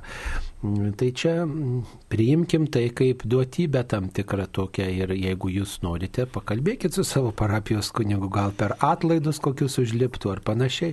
Nu, pavyzdžiui, Kauno arkikatedroje, turbūt jeigu kunigas užliptų į sakyklą ir sakytų pamokslą, aš būdamas prie altoriaus šalia, ne visai netoli, tai beveik nematyčiau ir negirdėčiau. Nu, kadangi ten yra solai ir arčiau altoriaus, tai būtų nugara į kunigą.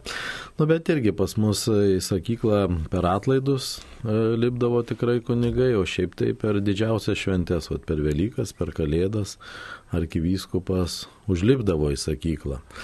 Tai va, nes kažkaip Tai va, tai tas, palaikydavo seną palaik, tradiciją. Seną tradiciją palaikydavo. Taip, tai čia, bet būtinai irgi turbūt yra įgarsinimas ir sakykla. Be abejo, ten yra įgarsinimas, ten yra problemos, kad nefonuotų su, su, su garsiakalbiais, tai irgi yra tokie Bet dabar e, per didžiasią šventės diakonas užlipdavo ir gėdodavo Evangeliją. Tas tai būdavo per Velykas. Tai va, tai matot, yra visokių mm. tradicijų. Mums paskambino. Irena iš Šiaulių. Taip, Irena, klauskite. Garbėjas. Per amžius. E, norėjau sužinoti, ar baigę kunigų seminariją per septynerius metus iš karto įgyja licencijato magistrą žinau, bet ar dar reikia atskirai mokytis, tarkim, e, įgyti, specializuotis kokią nors temą. E, to, vakar girdėjau, kad per septynerius metus iš karto gauna magistrą, jau nebereikia atskirai magistrantūrą studijuoti. Ir dabar dar kitas klausimas. Ar norėjau paklausyti dar apie šventąjį gralį, ar jis iš tikrųjų toks buvo kartą prieš keliarius metus girdėjau kunigo Veprausko, kaip visada jo klausausi, pasakojimą, kad jokio šventojo gralio nebuvo ir jokio to stalo nebuvo, kaip, kaip vaizduojama, vaizduojama paskutinės vakarienės metu. Ir reiškia, buvo, nes jokių taurių nebuvo, o buvo tik tai tokie podeliai moliniai, kaip krūzai vadinami kaime. Ir, ir tokie buvo, tokiais buvo naudojamasi ir paskutinės vakarienės metu. Ir jokio stalo nebuvo, o buvo tik, na, nu, kaip, kaip gulėdami, jie pusiau gulėdami perdodavo vieni kitiem. Ar iš tikrųjų tas šventasis gralis yra ir, ir dar jo vis ieškoma. Tai va, ačiū už tokius, jeigu galite sakyti. Mm, Taip, tai apie išsilavinimą, kunigė, ką pasakytumėte, jūs irgi esate teologijos licencijatas, kokią sritį esate. Pastoracinė. Taip, ir kokia tema buvo darbo? E, tai buvo apie kunigystę. E, tai žinote, yra tas dalykas, kad e, aš pasakysiu, kaip mano laikais buvo, nes dabar vis keičiasi tos mūsų e, seminarijų išsilavinimo tvarkos, nes kai mes baigdavom seminariją, mes gaudavom bakalauro bakalaurą. Ir norėdami gauti licencijatą reikėdavo baigti Vytauto didžiojo universiteto teologijos fakultetą ir tenai tada apsiginus e, magistrinį darbą suteikdavo licencijato būtent licencijatą. O dabar dabartinis laikas, man atrodo, dabar baigia e, seminaristai Vilniaus seminarijoje ir jie turbūt iš karto gauna ir magistrą. Magistrą dar, licencijato ne. Jo, o licencijatą turi dar matyti papildomai e, mokytis. mokytis. Arba Vytauto didžiojo universitete, arba Romoje. Dėl šventojo gralio, tai mm, reiktų priminti, kad šventasis gralis, tai čia yra mm, kelios tikrovės tuo, tuo vardu vadinamos, tai tokia labiausiai paplitusi mm, versija, kad tai yra taurė, e, kurio, iš kurios per paskutinę vakarienę gėrė Kristus ir ją Vėliau Kristaus sekėjai surinko keletą nukryžiuoto kraujo lašų ir kad tai tas gralis kažkur yra dingęs ir jo ieško ir jo siekia jį atrasti. Tai, mm, na, aišku, tos relikvijos yra svarbios, bet nėra turbūt pagrindas, mm, nėra visa mūsų tikėjimo esmė tos relikvijos. Yra, jos yra svarbios ir reikšmingos, jeigu įrodomas jų autentiškumas, pagrystas autentiškumas, tačiau e, mm, turbūt galimos ir kitos įvairios versijos. Tai dar gralis, tai vadinamas akmuo, kuris susijęs su Jėzaus gyvenimu neprašyto Evangelijose. Tai tokia, va, irgi tokia neaiški tikrovė, e, kurios tengiama e, ieškoti, pažinti ją. Ir taip pat dar graliu vadinama relikvija, kuri išliko per tvaną. Tai Tai žinot, čia daugiau yra gralis aprašomas grožiniai literatūroje, to gralio paieškos, mato tas, kas nežinoma, kas neaišku, ko neturime, taip paprastai tai labai kaitina vaizduotę visiems rašytojams ir jie kai kuriuos faktus buvusius istorijoje tiesiog apipina dar visokiom fantazijom, visokiom legendom ir tada išeina romanai ir tada juos skaito kažkas ir sako, va taip ir tai buvo. Bet iš tiesų tai, kiek man žinoma, nėra atrasta ta taurė, iš kurios gėrė Kristus per paskutinę vakarienę ir nežinau ar ieškoma, tikriausiai e, čia rašytojai tą, na, tokia, tą ieškojimų tokią kryptį skatina. Taip, dar viena žinutė, ar bus kokia laida kunigui Česlovui Kavaliauskui atminti, juk 25-osios mirties metinės. Tai ačiū už pasiūlymą, tikrai mm, galvojame apie kunigą Česlovą Kavaliauską parengti. Mm, tikrai mūsų kolegos mažojoje studijoje turi daugybę jo balso įrašų, tai džiugu, kad jūs prisimenate. Ir ir, ir gerbėte šį kunigą, kuris išvertė Naująjį testamentą iš graikų kalbos į lietuvių kalbą ir jį dabar skaitome liturgijoje ir taip pat namuose. Kaip elgtis einant komunijos, mūsų klebonas nesako Kristaus kūnas e, žodžių ir nežinau, kaip elgtis. Sakyti man amen ar tylėti. Tai matot, aš manau, vis tiek e, kunigas savo, kad tai yra Kristaus kūnas, gal tyliai labai pasako ir neišgirstam ne visada, bet kadangi, nu, vis tiek mes priimdami amen sakom, kad tai tikiu, kad tai yra Kristaus kūnas, tai tai be abejo reikia sakyti amen. Taip, e, gerai. E, dabar dar žiūrim, kokia žinutė. Niekada per visą ilgą gyvenimą nesame girdėję iš bažnyčios pusės teiginio, kad žmogus galimai eina per dažnai iš pažinties. Šiandien tai išgirdome, ar tai yra paskutiniųjų laikų ženklas. Nu, jeigu matot, žmogus eina kiekvieną dieną arba per dieną kelis kartus, tai tikrai mm, jau galbūt nereikėtų taip dažnai. Kita vertus, mm, skrupulatai, tie, kurie laiko nuodėmė tai, kas nėra nuodėmė, arba laiko sunkia nuodėmė, kas yra lengva nuodėmė, jie žinomi buvo visais laikais. Tai tai turbūt pasakoma būdavo asmeniškai tam žmogui, kad nebereikia taip dažnai eiti iš pažinties, kaip jūs einate. Bet aišku, šiais laikais turbūt kita problema yra, kad žmonės retai neina ar e, eina iš pažinties arba visai neina. Tai va, tuo susidurėme. E, nu, čia klausimas, kaip sekasi švenčiausio sakramento bažnyčios remontas, gal galima, reikia kuo prisidėti ir padėti. Na, aišku, visada reikia prisidėti ir padėti ir tas yra labai laukiama.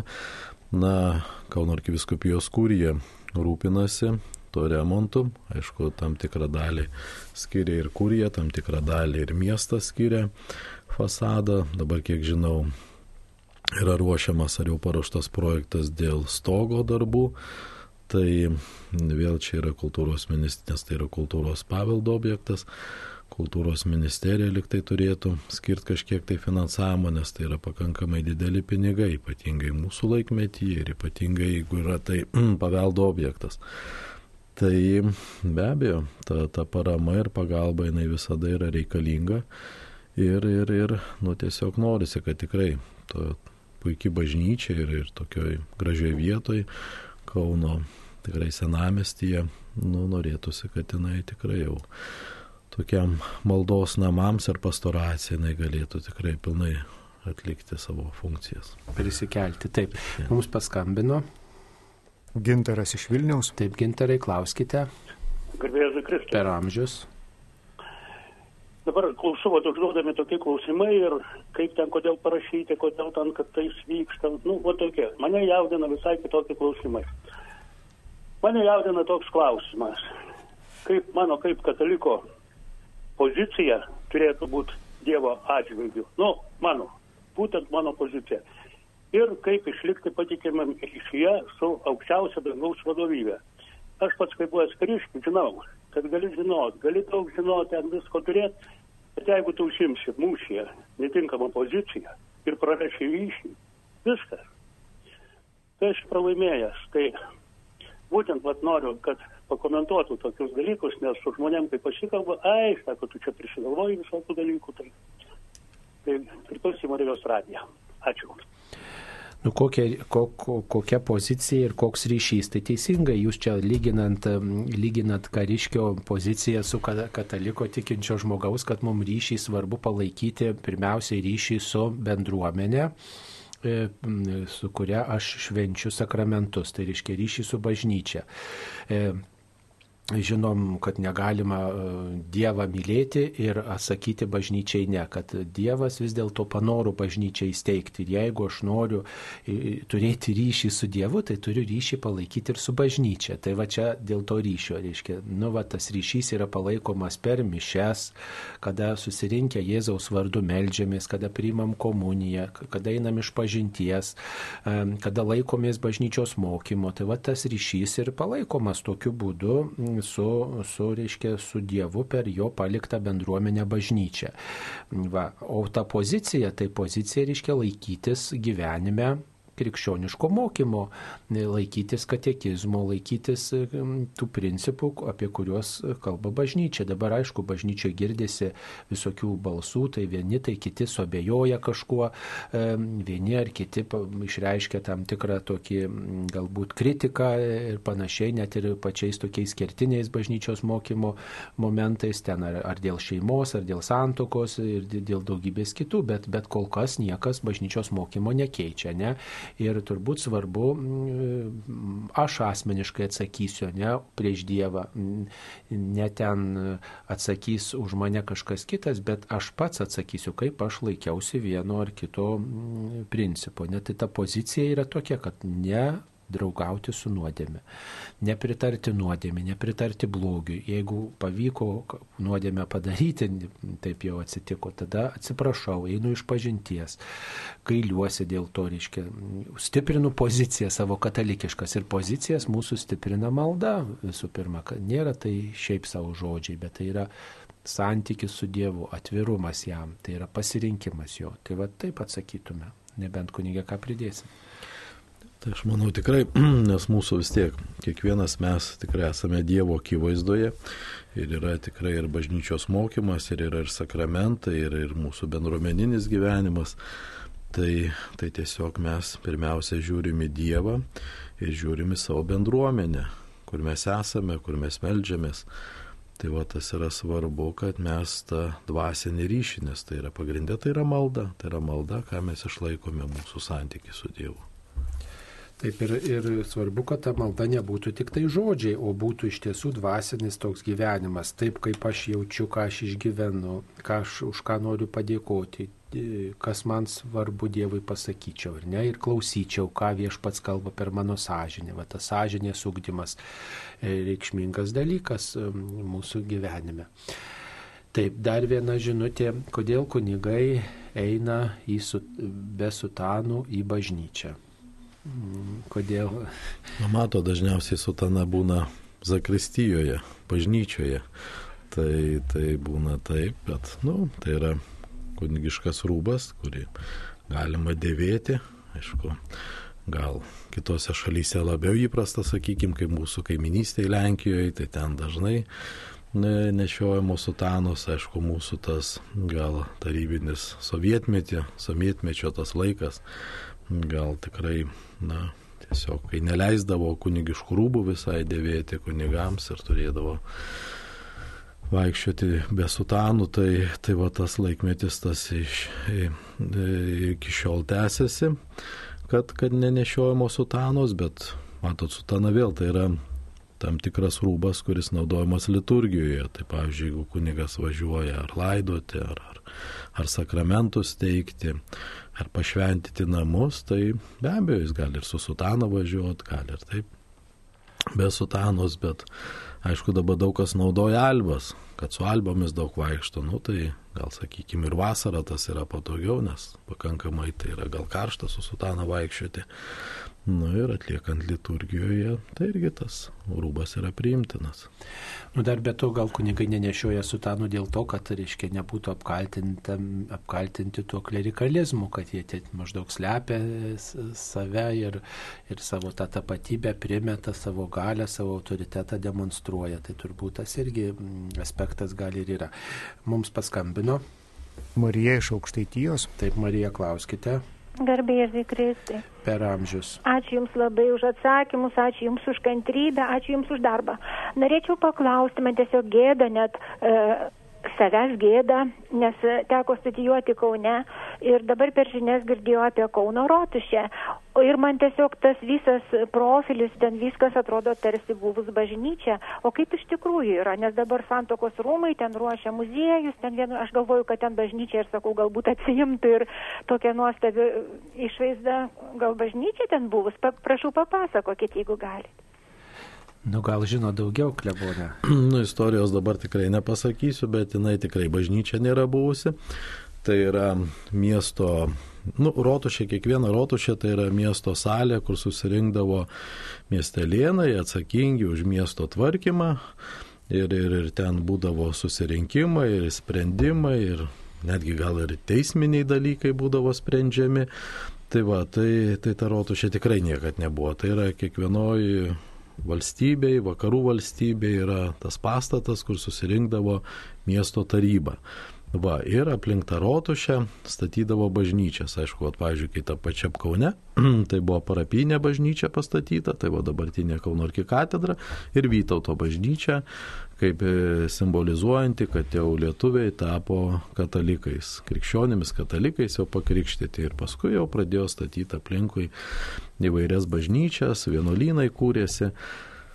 Tai, tai tiesiog, nu, tiesiog net, netai paskaičiai, gal ir atrodo kaip bažnyčia, nes matot, kartais žmonės netgi savo privačius namus pasistato su bokšteliais ir atrodo, o atrodo, gal čia bažnyčia kokia stovi, pasirodo ne. Taip, tai Baltąją gulbę vadina šitą rotušę, tai ten taip pat ir miesto valdžia e, reziduodavo. Tai tiesiog parodyti statusą, svorį, e, pastatė puošnų pastatą. Dar viena žinutė. Kauno arkikatedroje pastaruoju metu šiokiadieniais kunigai klauso iš pažinčių ir klausyti ateina vakarinėms mišioms prasidėjus. A, labai norėtųsi. E, e, išpažinti atlikti anksčiau ir šventose mišiuose dalyvauti nuo pat pradžių. Ar tai būtų įmanoma? Nu, žinoma, viskas įmanoma, tik tai matot, kad ir toj katedroje mūsų sumažėjo kunigų, o tie, kurie yra paskirti, turi daug pareigų. Tai tokia va yra gal truputį bėda, kad Aišku, jeigu spėjama ir ateinama dažnai prieš mišes, bet aišku, ne visada yra tas ateinama, nes, sakau, pakankamai visi turi pareiguotų kunigų, kažkaip nepadaugėja pas mus.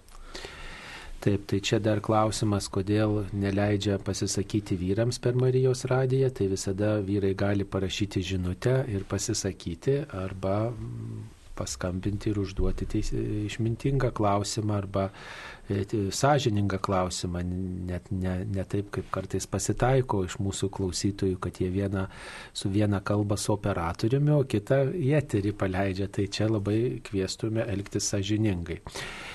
Taip, dar viena žinutė, kodėl uh, dedami votai prie paveikslų, ką jie primena ir kokia jų prasmė.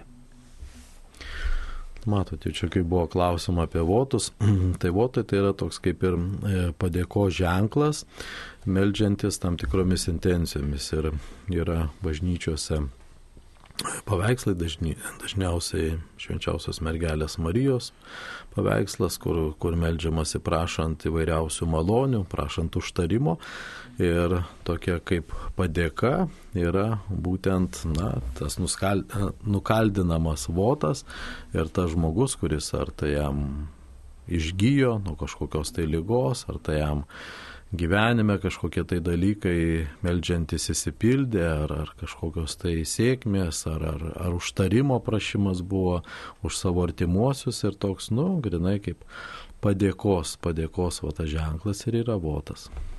Taip mums paskambino. Vladas iš plungės. Taip, Vladai, klauskite. Garbė Jėzui Kristui. Per amžius. Noriu pasveikinti visą Marijos radiją, visus darbuotojus, tave Sauliuk. Ačiū. Ir norėčiau paklausti apie e, Lietuva, Lietuvoje, ar yra e, šventoji Filomena švenčiama. Lietuvoje šventoji Filomena, kiek žinau, beveik nešvenčiama. Kiek teko girdėti, kažkur yra Filomenos altorius. Dabar taip greitosiomis neprisimenu mm, bažnyčios, bet tikrai kažkur net ir pačiam teko matyti altorių pašvestą šventai Filomenai. Bet E, ji nėra labai paplitusi, jos garbiai net ir bažnyčios nėra atskiros pastatyta, yra tik tai altorius kažkokioje bažnyčioje, bet dabar tikrai nebeprisimenu kur. O šiaip šventosios Filomenos kultų labai rūpinosi Arso klebonas Jonas Marija Vienėjus, kai pradėjo žmonės važiuoti pas jį į Jarsą, tai ir norėjo prieiti iš pažinties pas jį ir melstis toj bažnyčiai, tai jisai galvojo, čia yra šventos Filomenos stebuklas, kad tiek žmonių pas jį atvažiuoja važiuoja, kad taip meldžiasi ir jisai labai tą kultą puoselį. O Lietuvoje tai tikrai nu, neturime tokio gilaus pamaldumo šiai šventajai, bet e, tikrai galima pasidomėti, kokio čia bažnyčioje yra altorius. Taip, dar viena žinutė. Ar jums netrodo, kad dabartiniai bažnyčiai trūksta Dievo jėgos? Ar netrodo jums, kad praradom Dievo jėgą? Aš manau, kiekvienas laikmetis atneša savo iššūkius ir Dievo veikimas yra kiekviename laikmetyje ir visame pasaulyje Dievas veikia. Tai manau, tą jėgą mes visada gauname ir gal kartais atrodo, kad gal Dievas, na, kaip sako, miega. Ar, ar tiesiog būna tame, tai leidžia, kad kažko žmonės gal pasijau, pasijaustų, pasireikštų ir tiesiog gal būna tas dalykas, kad, na, leidžiama, kad ar tai bažnyčia, ar tai žmonės, ar tai pasaulis, na, tiesiog atlaikytų tam tikrus išbandymus, gal įsigrynintų, įsivalytų. Va, o ta Dievo veikimas jis visada yra ir, ir Dievas tikrai e, veikia mūsų, mūsų pasaulyje, mūsų gyvenime ir mūsų bažnyčioje. Aišku, kaip ir sakau, kiekvienas laikmetis atneša savo iššūkius, bet tiesiog, na, koks tas mūsų pačių santykis yra su Dievu ir kiek mes patys priemame Dievo veikimą savo gyvenime. Nu, aišku, ką jūs laikote tą Dievo jėgą. Sakramentai jie galioja, ateina nuo Kristaus laikų, ta paštalinė sukcesija bažnyčioje egzistuoja ir žmonės priima tą tikrovę, o kad žmonės mažiau lanko arba nėra kažkokių labai super didingų iškilmių bažnyčioje, ar ten nėra labai pošnių rūbų, dar kažko. Tai, žodžiu, čia yra laikmečio dalykai, Ir tiesiog ta Dievo jėga jinai gali reikštis ne tik tai per kažkokią galybę, kuri jaučiama išgyvenama, bet ir labai tokiu subtiliu būdu. Nebuvo niekada Lietuvos istorijoje, pavyzdžiui, tiek daug organizuojama visokių rekolekcijų, grupelių, stovyklėlių, būrelių įvairiems žmonėms, kuriuose žmonės tikrai turi labai tokią autentišką Dievo patirtį. Tikrai yra va rekolekcijų namai, kurie praktiškai neturi laisvų savaitgalių, nes vis atvažiuoja kažkokios mažesnės ar didesnės grupelės, daugybė žmonių susikaupia. Tai va ten yra ta Dievo jėga, kur žmonės skaito šventą raštą, kur žmonės meldžiasi, kur žmonės eina dvasinių pokalbių, kur žmonės išgyvena Dievo artumą. Daugybė stovyklų jaunimų organizuojama, kur tikrai vaikai turi tokią autentišką Dievo patirtį. Tai irgi ta Dievo jėga, paskui pasaulis gal kažkaip tą vaiką, kaip sakant, suglamžo, sukočioja ir tą Dievą atima iš jo ir, ir, ir, ir bando į tą netikėjimo kelią nustumti ir, ir pasauliui pavyksta, bet ta Dievo patirtis, kurią jis išgyveno stovykloje ar kažkokiam žygiai, jį išlieka to vaiko gyvenime ir paskui nežinom, kaip ta patirta Dievo jėga jinai kokių vaisių duos. E, tai va, taip. Dar viena žinutė kodėl kunigų pamokslai tokie nuobodus ir ką veikti, kai nesuprantu arba kai nesutinku su kunigo pasakytais žodžiais. Galėčiau pasakyti melstis. Kad greičiau baigtų kunigas pamokslauti. Bet, na, nu, aišku, vėl turbūt turim priimti tai, kad yra įvairūs kunigai, yra įvairūs, taip sakyti, aišku, seminarija paruošė ir suteikė žinias, bet turbūt, na, toje pastoracijoje, e, darbuojantis įvairiose parapijose, e, na be abejo, kunigai gal vieni, gal, gal, kaip jūs sakote, gal netokie emocionalūs ar išraiškingi ir kiti gal yra ramesni ir, ir tikrai tas pamokslas nebūna toksai gal labiau įsimintinas, bet aš manau, kaip vienas mano kolega yra pasakęs per rekolekcijas, atrodo, na, žinot, rekolekcijos kartais būna irgi. Rekolekcijų vedėjai kartais ilgai kalba ir, ir būna konferencijos ilgos ir atrodo kartais nuobodu būna. A, bet kai vienas mano kolega pasakė, sako, iš kiekvieno pamokslo ar iš kiekvienos konferencijos gali atrasti kažkokią tai mintį, kažką tai gero, ką tu gali pats mąstyti, gali pagauti tą žodį ir jo labiau, jeigu jūs vat, dalyvaujate mišiuose samoningai, jūs išgirstate skaitomą Dievo žodį, tai tiek skaitiniai, tiek Evangelija.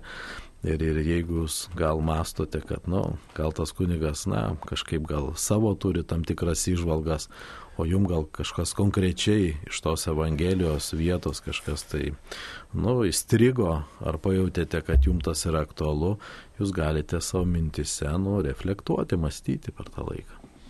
Taip mums paskambino. E, Marija iš Marijampolės. Taip, klauskite. Garbėsiu Kristui, garbėsiu Kristui. E, aš esu neįgali, invalidė, gyvenu viena ir Marijos radijas yra mano mano gyvenimo dalis. E, labai dėkoju Jums, buvo ypatingai sunku prieš šešis metus, kada aš buvau tiesiog labai ilgą laiką, vos ne keturis mėnesius su Jumis buvau. Tik taip. A, dabar, kadangi vyksta sinodas, aš negaliu į bažnyčią prisistatyti, nežinau, kaip čia jums, kaip čia jums pasakyti, pavyzdžiui, e, e, būna, nu, neužtruktų labai ilgai mišios, jeigu nors keletą akimirkų būtų, pavyzdžiui, daroma uh, pertraukėlį po pamokslo apmąstymam, po komunijos uh, irgi prieimimo. Pabūti kartu su Kristumi. Arba po palinkėjimo ramybės, reiškia palinkėti ramybės, to jau pat po to palink, pa, pasakymo e, gėda choras. Nu ir, ir neina to, ir neina, kaip pasakyti, nutrūksta tos, tos mintys, arba, arba tu negali palinkėti, arba tu neklausai, kas vyksta. Dabar turiu, e, reiškia, dar du klausimus. E, vienas klausimas dėl Švento Juozapo prie kryžiaus sunkiausia Jėzaus akimirka jo nebuvo. Ir aplamai labai mažai apie jį yra žinoma, kada jisai mirė ir taip toliau. Antras klausimas. Aš turiu tokį. Mano dukterėčiai iš Izraelio parvežė mažytį 33 ml buteliuką, bet jis gana stiprus 11,5 procento vynas Santa Mesa altar vyne. Gamyba e, Latrun e, monastyrė, reiškia vienuolino, kaip suprantu, e, kantina kaną ir taip toliau. Ar dabar kaip jį man naudoti, kaip jį man ar tiesiog laikyti kaip relikviją, ar tiesiog galima jį kažkaip naudoti. Labai dėkoju. Na tai vyna, jisai skirtas šventoms mišioms, specialiai vienuolynė, Latrūno vienuolynė, turbūt trapistų e, vienuolynė pa, padarytas, pagamintas šventoms mišioms skirtas, bet jį, jisai kol nekonsekruotas, mišiuose galima vartoti ir per e, vaišes pavaišinti svečius, turbūt, kurie ateina į jūsų namus, e, per tam tikras iškilmes, pavyzdžiui, ar ne po taurę galima išgerti kaip vyną, kurį geriame ir bet kokiom kitom progom namuose. Tiesiog jį kaip suvenyrą iš to vienuolino jums parvežė dovanų, tiesiog tai galite laikyti prisiminimui, bet galite ir išgerti su draugais, tai čia paprastai. Dėl Švento Juozapo, tai matot, apie jo mirties aplinkybės mes nežinome, nes šventasis raštas apie tai tyli, o tradicija taip pat nieko nepasako, bet tradicijoje yra perduodama, kad Juozapas mirė mm, gana anksti, mm, žodžiu, ir kad Jėzus mm, tikima buvo prie jo su Marija.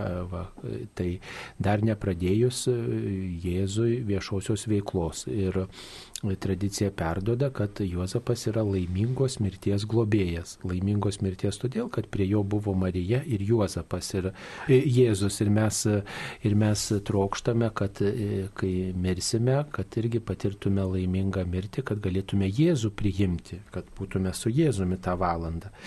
Va, ir prie kryžiaus Juozapo nebuvo todėl, kad Juozapas jau buvo miręs va, ir, ir tiesiog dėl to jo ten fiziškai negalėjo būti.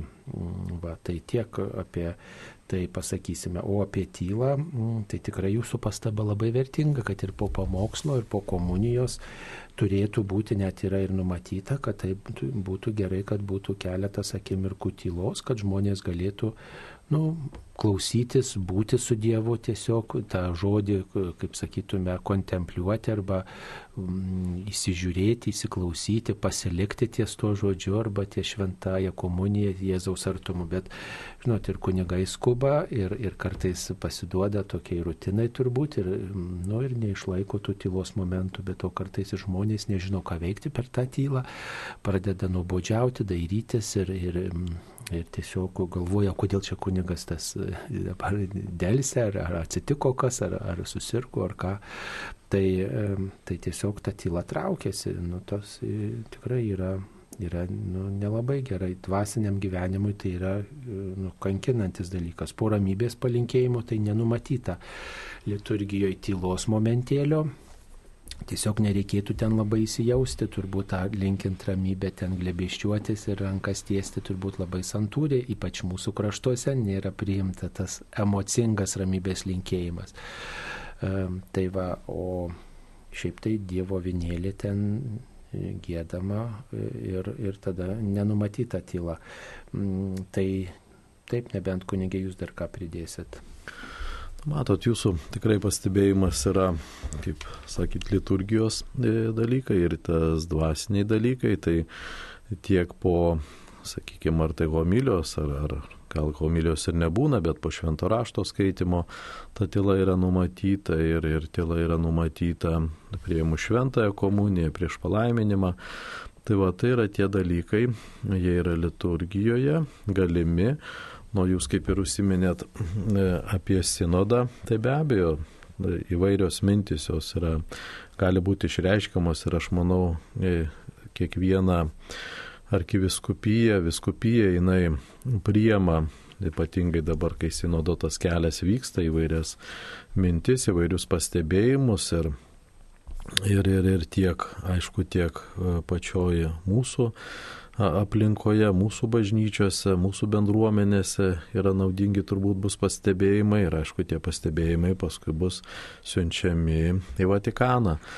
Tai, tai tas sinodo kelias tarsi na, labiau gal suaktyvina, kad mes na, labiau mąstytume apie bažnyčios gyvenimą, labiau pasijaustume, kad esame bažnyčios dalis ir kad mes esame dalyviai bažnyčioje ir jūs galite parašyti laišką e, savo viskupijos kurijai, pavyzdžiui, ne kaip jums atrodo kai kurie dalykai bažnyčioje. Tiesiog paimkite baltą popieriaus lapą, surašykite, galite anketomis pasinaudoti, kurios yra internete, katalikai.lt puslapyje surasite, kur yra nuorodos į sinodą ir tenai surasite taip pat E, įvairių klausimų, kuriais galite laiškė pasisakyti, ką jūs manote apie bažnyčios gyvenimą, apie kai kuriuos reiškinius, tai būkite tikri, kad jūsų laiškas bus perskaitytas ir atsakingi asmenys e, tiesiog jūsų duomenėmis, jūsų žiniomis, išvalgomis pasinaudos. Ir tokiu būdu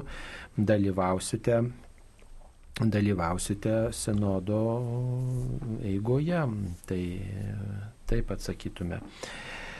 Taip, tai dar vieną e, tokį patikslinimą atsiunčia mūsų klausytojai, kad Šventojios Filomenos paveikslas yra, yra Širvintų bažnyčios altoriuje, nutapytas 1861 metais. Tai tikrai Šventojios Filomenos altorius yra yra Širvinto bažnyčioje, galime aplankyti ir pasimelsti. Tai jie yra senovės šventoji, e, yra kaip Dievo mylėtoja, turbūt jos vardą reikėtų išversti, e, ta, kuri myli viešpati, pamilusi Dievą, tai yra mergelė ir jos palaikai, jos relikvijos aptiktos priskilos katakombose.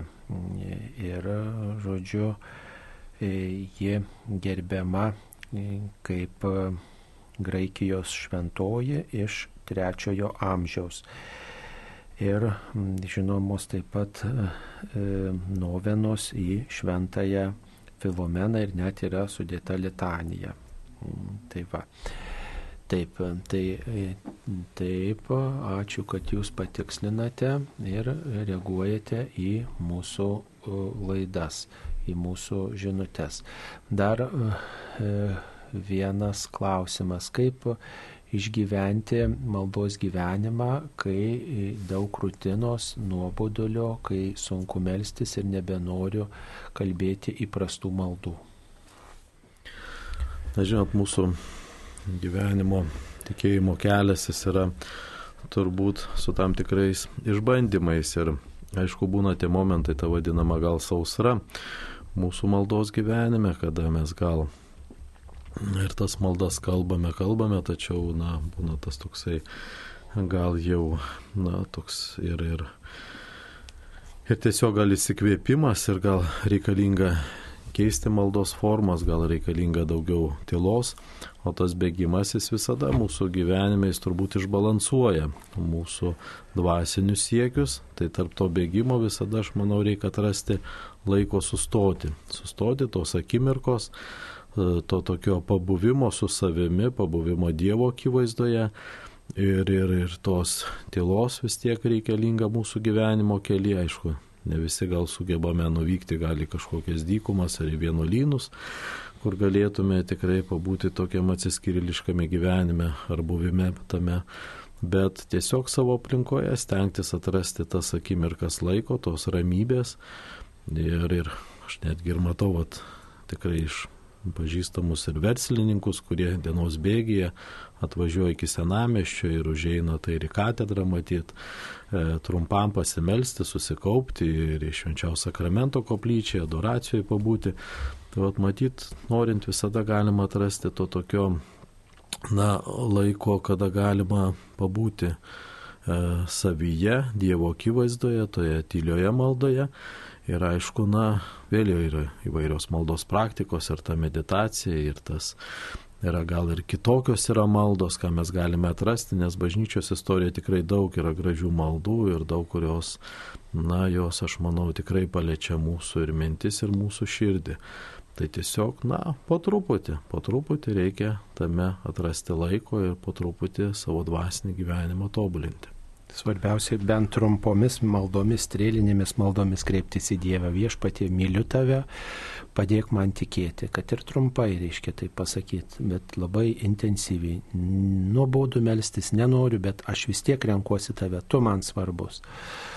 Ir dar viena žinutė, dalis žmonių imituoja kunigą, keldami įvairiais būdais rankas. Tai pasidarė jau kaip ritualas, kuris visai nesusijęs su malda. Šitie žmonės agresyviai stumdo alkūnėmis šalia stovinčius. Tai padalina tautą, kaip juos apraminti ar pasiūlyti sudėti rankas maldai. Nu gal nesiūlykit jūs tiesiog, nes ir jūs tada agresyviai tikriausiai tą padarysite ir įsižei žmogus. Ar e, nesakyčiau, kad tai nesusiję su malda, kaip tik tai žmogus gal tokiu būdu, nu, vat, meldžiasi, ne? nes jis per mišęsę gal tą daro. Tikrai, jeigu matot, kad žmogus tą daro, nu, pasitraukit į šoną, dabar yra vietos bažnyčioje, kad visiems turėtų užtekti vietos bažnyčioje ir tam, kuris kelia rankas ir kur nekelia ir kur nežino, kaip elgtis, tai tegul būna Dievo namai atviri ir mes svarbiausia, kad turėtume pagarbos ir artimo meilės. Taigi tiek žinučių ir e, atsakymų šį rytą. Šioje laidoje dalyvavo Kauno šventųjų apaštalų Petro ir Povailo arkikatedros bazilikos administratorius, kunigas teologijos licencijatas ir Kauno arkivyskupo generalvikaras, kunigas Evaldas Vitulskis ir aš kunigas Saulis Bužauskas. Ačiū kunigė Jums, ačiū visiems. Ačiū Jums, ačiū visiems. Sudė. Sudė.